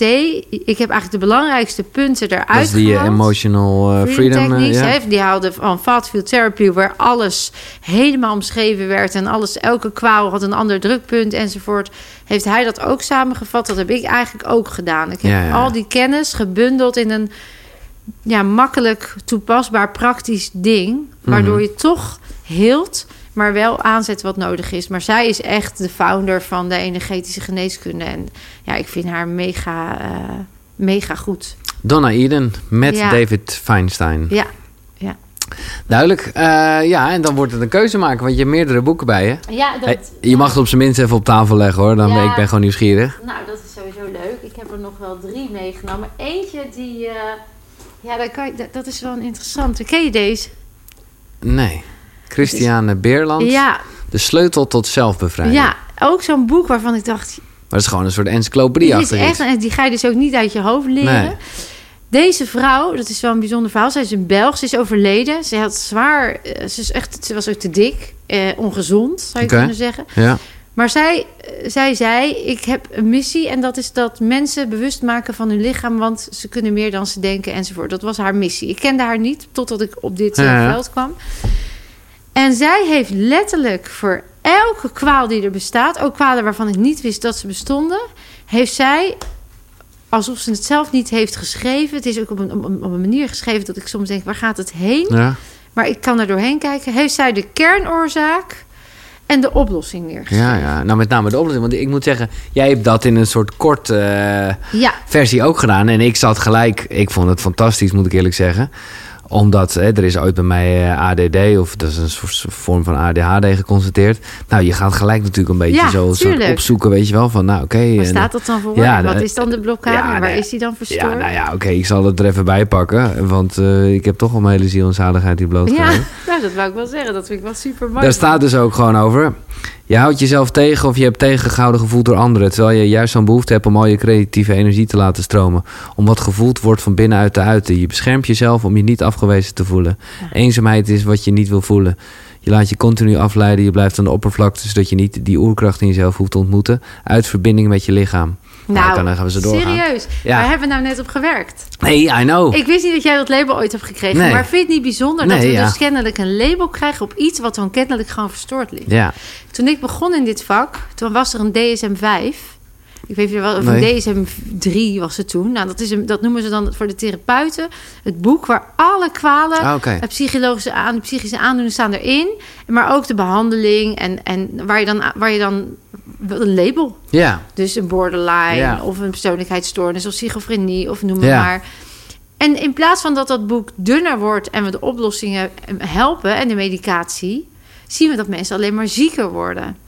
Dat boek is dus inmiddels, dat is begonnen met een DSM-1, dat is nu DSM-5, dat is geloof ik dikker dan dit boek. nee, precies. En dat is allemaal labelen op basis van het probleem aanpakken en niet de oorzaak. Oké, maar mag ik een vraag stellen dan? Ja. Want ik vind dit, dit is ook wel een beetje koren op mijn molen. Maar hoe denk jij dan over eh, praatgroepen en zo? Ja, niet. Nee, precies. Helemaal niet doen ook. Nee. Weg daarmee. Nee, maar ja, goed. Even los van praatgroepen heel, eh, is het natuurlijk wel wat, wat, wat... Ja, mensen zoeken elkaar op. En dat is op zich logisch. Ja. Maar vervolgens, ja, dat is precies wat ik ook denk. Dan versterkt het elkaar alleen maar. En dan zegt Pietje, oh, ik heb ook een beetje last hiervan. Ja. En dan denkt Mientje, nou, nou, je het zegt, ik voel het ook. Ja, zo gaat het ook. Ja. Letterlijk. Het is self-fulfilling prophecy. Het houdt je in de patiëntrol. Het houdt je in de slachtofferrol. Het is zelfs zo dat in sommige praatgroepen moet je zeggen... ik ben alcoholist. Alsof je er nooit meer vanaf Nee. komt. En het een ziekte is. En ik moet er dus maar mee leven.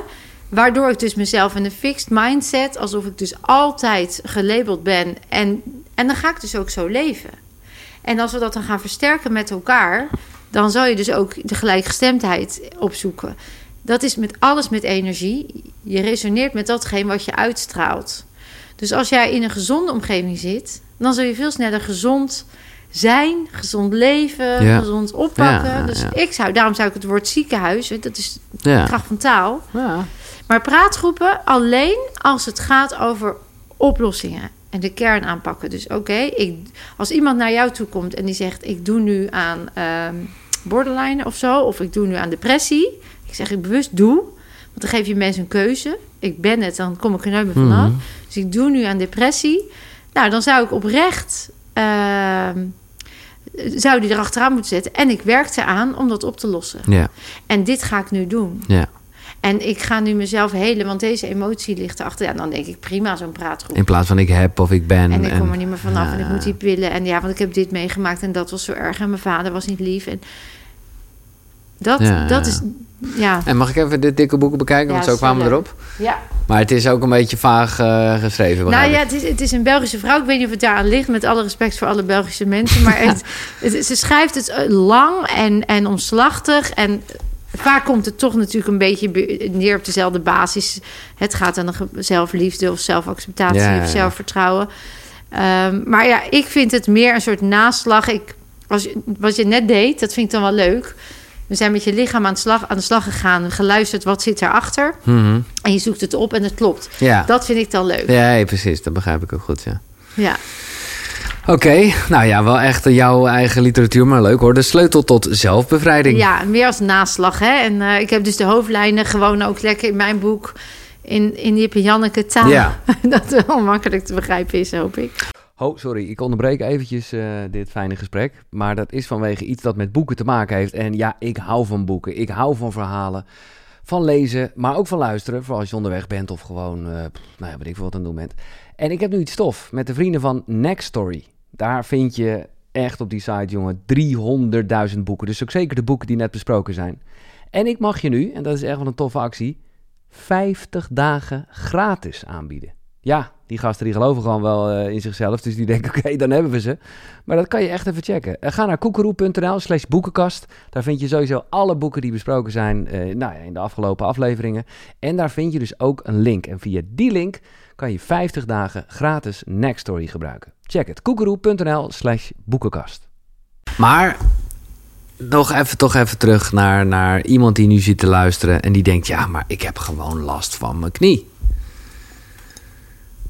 Ja, wat hij dan kan doen? Of wat nou, hij, dat, waar dat, dat voor staat? Ja, nee, maar ik bedoel te zeggen dat jij dus echt wel zegt van ja, oké, dat komt ergens door. En Ja. natuurlijk, op het moment dat iemand je met een bijl in je knie heeft geslagen, dan, heb je last van je je, knie. ja. Maar als dat er niet achter zit, dan durf jij gewoon te zeggen met volle 100%, dat komt dan ergens vandaan. Ja, het is een lagere energie vaak. Dus een verstoring in de stroom. En dan heeft dat een, een energie. Emotie is energie in beweging. Dus dan als die emotie niet in beweging is, dan verstart in je lichaam dan als een freeze. En dan gaat je knie dus op slot. Of je knie doet niet meer wat hij hoort te kunnen. En als je die freeze ontdooit, als je hem losmaakt, als je die emotie in beweging zet, dan kan die knie gewoon zijn werk weer doen. Maar het is altijd aan te passen. Ja. Ja. Ja. Ja, maar dat is natuurlijk nogal wat wat je hier zegt. En ik, ik, ik weet, uh, ik, ik voel ook de positieve intentie ervan. Maar ergens schiet het toch ook door mijn hoofd. Ja, godsamme, als ik gewoon eerder zelf hier kennis van had... Ja. en mijn vader en mijn zus Ja. nog leefden... dan had ik ze even lekker ergens langs gestuurd en eh, dan liepen ze hier nog. Ik snap dat. En dat is natuurlijk. Wat dat niet de bedoeling is, is dat je dan, dan nu daarvan baalt en, Oh, en nee, schuldig gaat. Nee, voelen. nee? Nee, het is meer. Wat ik geloof, Giel, is dat het leven dat, dat is een pad. En mensen ontmoeten mensen, het zijn passanten. En die brengen jou ergens. En misschien was het voor jouw vader, en dat. Om, oh, ik wil het ook graag zo zien, dus misschien is het niet waar, maar mij nee, helpt dat. niet in. Mij Nee, maar mij helpt dat. Ehm, dan denk ik dat jouw vader gewoon... die heeft dit nog niet, deze kennis gehad. Nee. Maar die heeft jou wel iets meegegeven door zijn dood. En die heeft jou wel op een pad gezet. En nog steeds doet hij dat, want ik heb hem net gevoeld. En hij is erbij en hij wil dat je deze richting op gaat. Hè. Dus het is dat hij... ehm, ik geloof dan dat dat gewoon ja, zo heeft moeten zijn. Ja, Eh, net als dat Maurice nog er is. Die had ook niet er kunnen zijn. Hij is er nog. Ja, en als hij er dan toch nog is, dan heeft hij daar nog iets te doen. En ja, misschien is het waar je vader is, is het voor hem daar wel veel fijner. Mhm. Want je vader heeft wel, ja, ik, wat ik voelde het en nog steeds, is dat hij gewoon behoorlijk wat struggles heeft gehad. En eh, dat was voor hem ook pittig. En nu heeft hij dat allemaal niet. nee. En ik word weer verdrietig als ik daar bij je vader, ik voel gewoon heel veel verdriet. Maar daar heeft hij dus nu niet meer. Dus daar is het nu goed. Eh, en hij kon het in dit leven niet anders. Nee.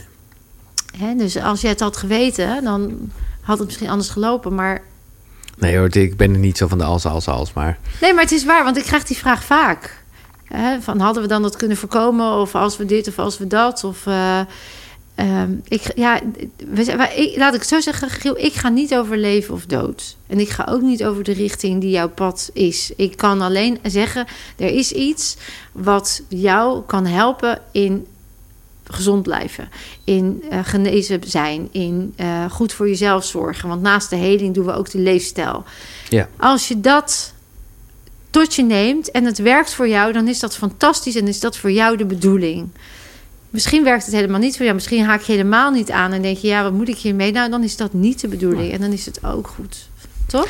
Ik heb een kleine technische vraag. Dat is vrij random dit, maar ik zie het nu staan nog op mijn aantekening. Ik dacht, ja, misschien bedoel je het zo of misschien niet. Maar zeg jij eigenlijk, want ik ken wel dat fight, flight, freeze verhaal. Ja.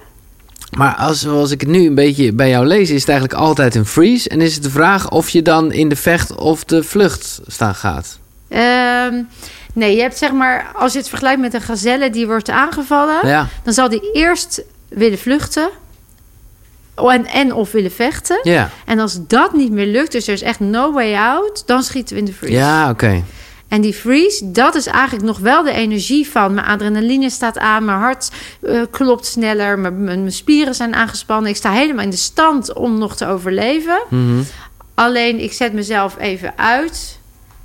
Omdat ik... eh, even een buzzer. Ja. Ik zet mezelf even uit... omdat ik eh, mogelijk dan mijn prooi afleid... en dat hij denkt dat ik dood ben.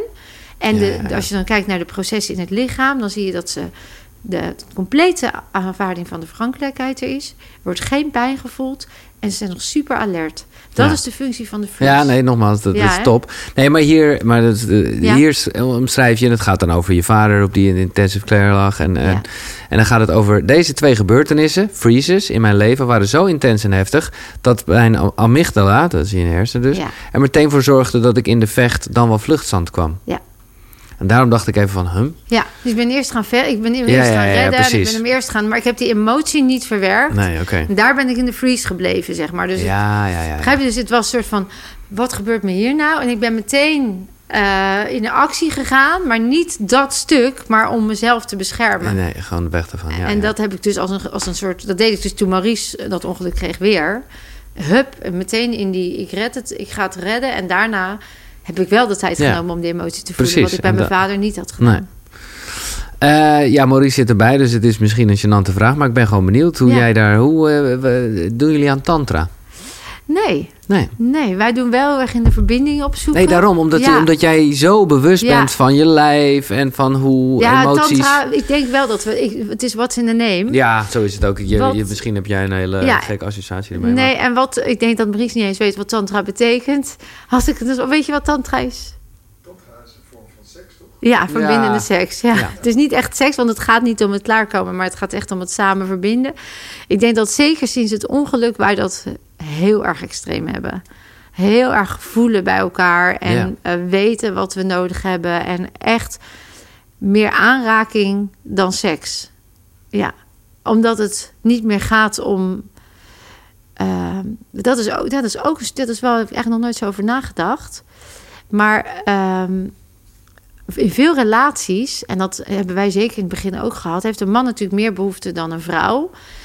Ehm, en kan het voor, het vrouw soms, voor een vrouw soms ook een lading hebben. Dat Ja, je dan weer moet of zo. Of dat het dan. Terwijl die man denkt: Hallo, eh, ik, eh, ik, het, is toch, het is toch leuk, hè?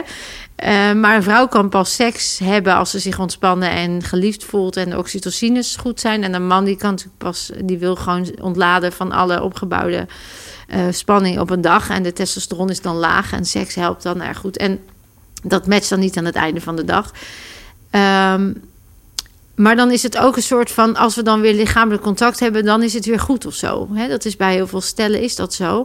Nou waren wij daar altijd heel open over en hadden daar ook goede gesprekken over. En gelukkig voelden we elkaars behoeften en bespraken we dat ook. Maar ik moet je wel zeggen dat sinds dat ongeluk er eigenlijk meer behoefte is aan de tantra-ervaring. Van het gewoon zijn. Ja, Ja. ja, dat is wel, dat was ik me niet zo bewust, maar Hm. door jouw vraag, maar een goede vraag. Ja, En, en dan gaan we naar het einde, want ik kan echt uren met je doorlullen. En dat gaan we ook eh, zeker nog een keer doen. ja, leuk. Eh, maar kijk, als cellen zich aanpassen ja, aan je omgeving. ja. Epigenetica. Ja, Ja, maar dat is dan toch ook... eh, dat, is, dat is letterlijk omgeving. En, Ja. en wat hier verder is. En of ik bij natuur ben of wat dan ook. Maar ja, je gedachten, hetzelfde. ja. Ja. Giel, alles is energie. Als, Ja. we dat als Nee, ja, hypothese doen. Dan Nou, dat is een- geen hypothese, nee, is een maar, feit. maar een feit. Ik, ik zeg dat is een feit. Een boom heeft een energie. Die lamp achter jou heeft een energie. Jouw microfoon heeft een energie. Hoe gek dat ook klinkt, want het ziet er niet levend uit. Gedachten hebben een energie. En alles heeft een frequentie. Dat vond ik zo mega boeiend. Die, die oscillatortest met dat zand erop. En dan op Ja, dat metalen ja, ja, plaat. Geweldig. Welke frequentie maakt uit hoe de vorm Ja. wordt van het zand? Wat jij dus zegt tegen jezelf, wat je hoort, wat er heeft dus meteen een effect op de vorm. Ja, bizar. Ja. Bizar. Nee, maar ja, dan is alles best wel maakbaar ineens, als je dat zo realiseert. Dat is het dus. Ja, Ik heb een verhaal gehoord van een man en die blijft mij boeien. Dat is mijn next level. Die, die liep een zee in en die, eh, die wordt gebeten door een Portugees oorlogsschip. Dus een kwal. Nou, dat is natuurlijk de meest dodelijke kwallenbijt. En hij beheerst dus helemaal mind over matter en energy work. En hij, hij, hij, hij wordt dus gebeten. Hij ziet meteen de les, want hij weet dus waarvoor hij wordt gebeten. Die pakt hij. Hij visualiseert dat het oké is, dat zijn cellen gezond zijn. En het is weg. ja. Daar zijn natuurlijk legio voorbeelden Ja, van. Hè? Dit is niet zomaar verzonnen.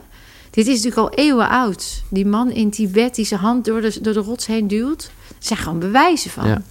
Dus ik, dat vind ik dan gaaf in mijn reis. Want ik ben ook nog helemaal niet klaar. Want je vroeg dat. Ik heb nog dingen op te ruimen, weet ik zeker. Ik eh, wil nog dingen leren. Het lijkt me geweldig als ik met een hand door een rots heen kan. Weet je wel? Gewoon Ja. voor de ervaring al. Omdat ik geloof dat het kan. En als we dat nou steeds voor ogen houden... dan mag je niet opgeven waar je ook Nee. bent. Toch? Lekker, goede spirit. ja. Oké, wat wil je nog bereiken? Nou, ik zou. eh, We hebben, ik heb nu gezegd 2025. 1 miljoen mensen meer bewust van hun lichaam, gezondheid en de invloed daarop. Hmm. Dat is echt nu een... eh, Dat doet me gelijk denken aan iemand die jou, eh, die jou ook goed kent. Dus het, eh, en het voorwoord heeft gezegd. een Richard. Ja. Richard die natuurlijk ook. Maar ik vind het wel mooi om een soort target toch eh, eraan te hangen. En dat heb ik in de energie neergezet, omdat ik... Ik ben natuurlijk iemand die is begonnen vanuit passie. Ik bedoel, ik, heb, ik zat in het onderwijs. Ik wist helemaal niks hiervan. Ik had helemaal nog nooit gehoord van persoonlijke ontwikkeling. Ik had natuurlijk wel orthopedagogiek gedaan, maar dat ging heel erg over labelen. De psychologie ging heel erg over problematische, problema, hè, probleemgericht. Dus ik was altijd als kind al bezig met wat beweegt de mens. En door wat ik zelf heb meegemaakt en daarna het in de praktijk steeds gewoon neerzetten in mijn groei en weer uitbreiden, eh, is die passie uitgebreid tot een, tot een bedrijf. Maar joh, ik wist, ik wist niet eens wat een bedrijf was. Nee, precies. Ik wist niet hoe ik een bedrijf moest runnen. Ik, dus ik heb nu in de energie gewoon neergezet. Het mag naar buiten. Ik wist niet eens hoe het naar buiten... Weet je, Nee. ik was gewoon onwetend. Ehm, en daarin de, belemmerde ik mezelf denk ik ook wel. Maurice heeft mij daarbij geholpen. Want toen dat hij dat ongeluk kreeg... En we, ik gaf al events. Ik deed al zoveel moois. eh, er gebeurde al zoveel goeds. En Maurice kreeg dat ongeluk. Ik wilde dat boek ook al schrijven. En, en elke keer was het jaar geen tijd. En, en weet je, allemaal Hmm. weer van die excuus verhalen.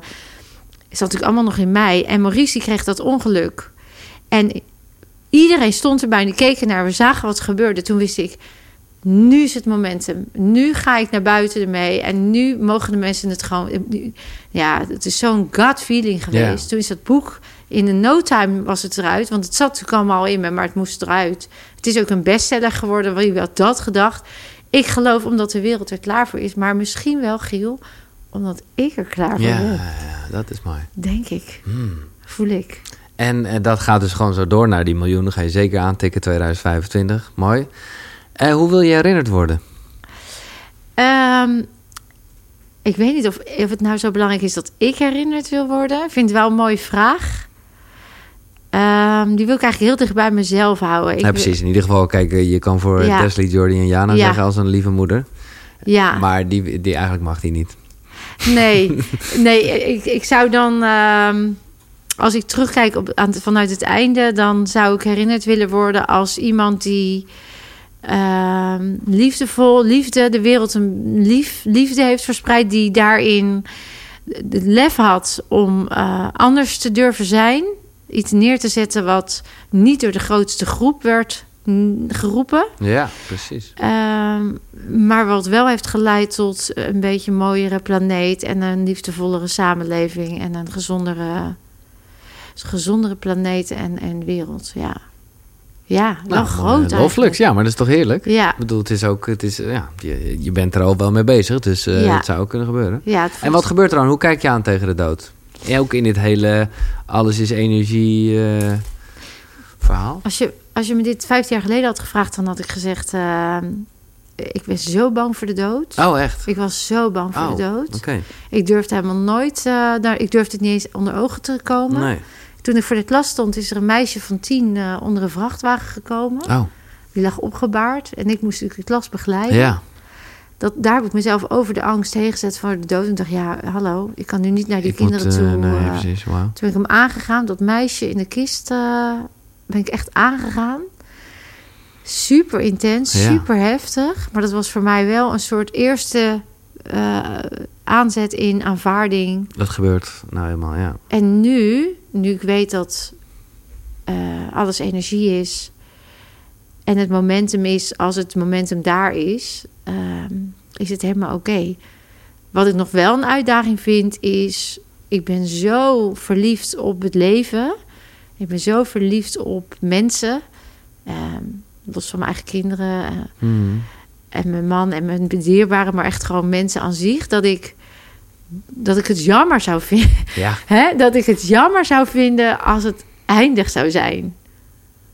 Maar hoe zie je het dan voor je technisch gezien? Wat gebeurt er als het, de- het lichaam van eh Vilna van Bed... eh, ja, nou, dan is mijn energie in een hogere frequentie. En dan ben ik wel in energie gewoon nog heerlijk Ja, aanwezig. ja. En iedereen die dan nog aards is en mijn frequentie oppakt, dat is dan leuk. Daar kunnen we dan gezellig mee ja. Heb jij die docu gezien, Surviving Death? Nee. Dus eh, op zich een Maar, hele... is het een beetje als waar ook het boek over gaat... dat iedereen dat licht ziet en zo, of niet? Ja, die, hebt, Oké. die heb je een arts die heeft dat onderzocht. En die bijna doodervaring. Maar deze documentaire gaat wat ver over, op een gegeven moment over mediumschap. Maar die eerste twee afleveringen en die laatste, die hebben mij enorm gegrepen. Die laatste aflevering, dan is er een jongetje van vier. En die rijdt door een, eh, door een straat met zijn moeder. Of drie, ik weet niet hoe oud hij Ja. is, jong.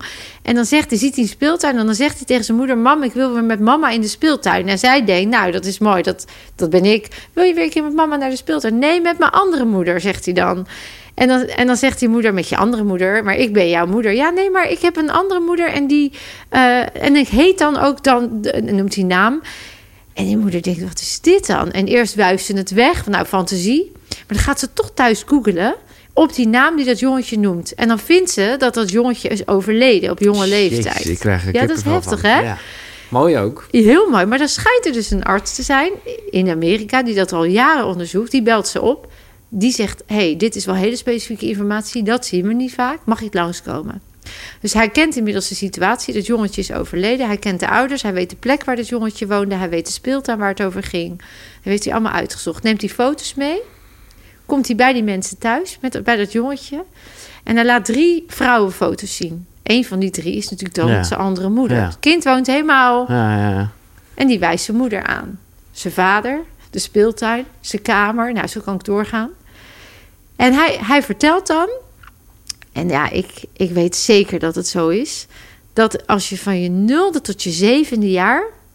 dan ben je nog niet af en dan resoneer je nog in alfa-staat. Dan, dan ben je ontvankelijk om nog alles op te nemen... wat voor jou nuttig en nodig is. Maar dan neem je ook waar in een andere dimensie. Kan je nog waarnemen. Want je bent nog niet helemaal compact in de fysieke vorm die de trilling verlaagt. Je bent nog aan het opgroeien. Dus hoe kleiner, hoe hoger de trilling. Hoe, va- hè, hoe vaster de vorm, hoe lager de trilling. En dit jongetje neemt dus letterlijk waar wat hij in een vorig leven heeft meegemaakt. Dat Ja. zit daar dus nog in dat celgeheugen. En hij kon het nog, omdat hij zo jong was, kan hij dat nog teruggeven. En dat hebben ze dan ook een oude jongetje. Die, die had het als jong jongetje heel erg en die is het dan alweer meer kwijt. Ja, ja, En zo raken we dat dus kwijt. Ja, Goeie tip, Surviving Death. surviving death. Echt Het klinkt niet echt gezellig, maar eh, ik ga het toch kijken. Nou ja, de, wat erachter zit is dus ben je echt dood? Ja. Of, of overleef je de dood, maar zit je in een andere fysieke vorm? Of Ja, ben je... ja. Ja, ik vind dat mega interessant natuurlijk. Snap ik. Dankjewel, Vilna, voor het gesprek. Voor eh, een stukje body-mind reset wat even gebeurd is. Ik moet zeggen, eh, ik voel het gewoon... Mijn mijn buik is wat onrustig. Ja, dat vind ik is ook wel wat lekker. in beweging? Ja, dus ik vind het wel top. Ik Laat denk, nou, maar eh, laat, maar, laat maar borrelen en zo. Ja, Ehm, en eh, ja, fijn dat elkaars paden gekruist zijn. heel fijn. En ik Ja. zou willen vragen, Giel, of je me wil updaten over wat Zeker. het lichaam... nou ja, jij hebt zelf ook een podcast. Ja. ik, ik kom daar met liefde verslag uitbrengen. Nou, dat wou ik net zeggen. Zou je dat dan in de volgende podcast Ja. bij mij willen doen? Ja, En eh, nou ja, je bent natuurlijk altijd van harte welkom om gewoon eens een event eh, te ondergaan in het kader van jouw groei en ontwikkeldrang. Om eens te kijken wat dat voor jou eh, lijkt me super. Ik wil jou heel erg bedanken. Dat is Nou. echt heel fijn. mooi. Komt er nog een nieuw ander boek? Ja, Oké. ik heb hem nog niet eh, geconcretiseerd, maar ik voel dat hij komt. Ik heb Hmm. wel een, eh, al twee titels, dus het is Oké. wel in de inwording. Maar wat is, waar, wat is het onderwerp dan? Nou, ik wil meer dat lichaamsbewustzijn Ja, eh, vergroten, waar jij het ook over Ja. had. Dus, eh, Oké, top. Nou, dan, dus in die richting uh, zal het dankjewel. Dankjewel voor je tijd en, en energie. Nou, Ja, namaste. Zo is het. Eh, bedankt voor het luisteren ook jij. Eh, je gaat naar de website voor meer. Precies, koekeroe.nl. Daar vind je nou ja, inmiddels al bijna 100 andere afleveringen. En eh, meer informatie over Vilna ook op koekeroe.nl slash Vilna. Tot de volgende, zonnegroet. Hoi.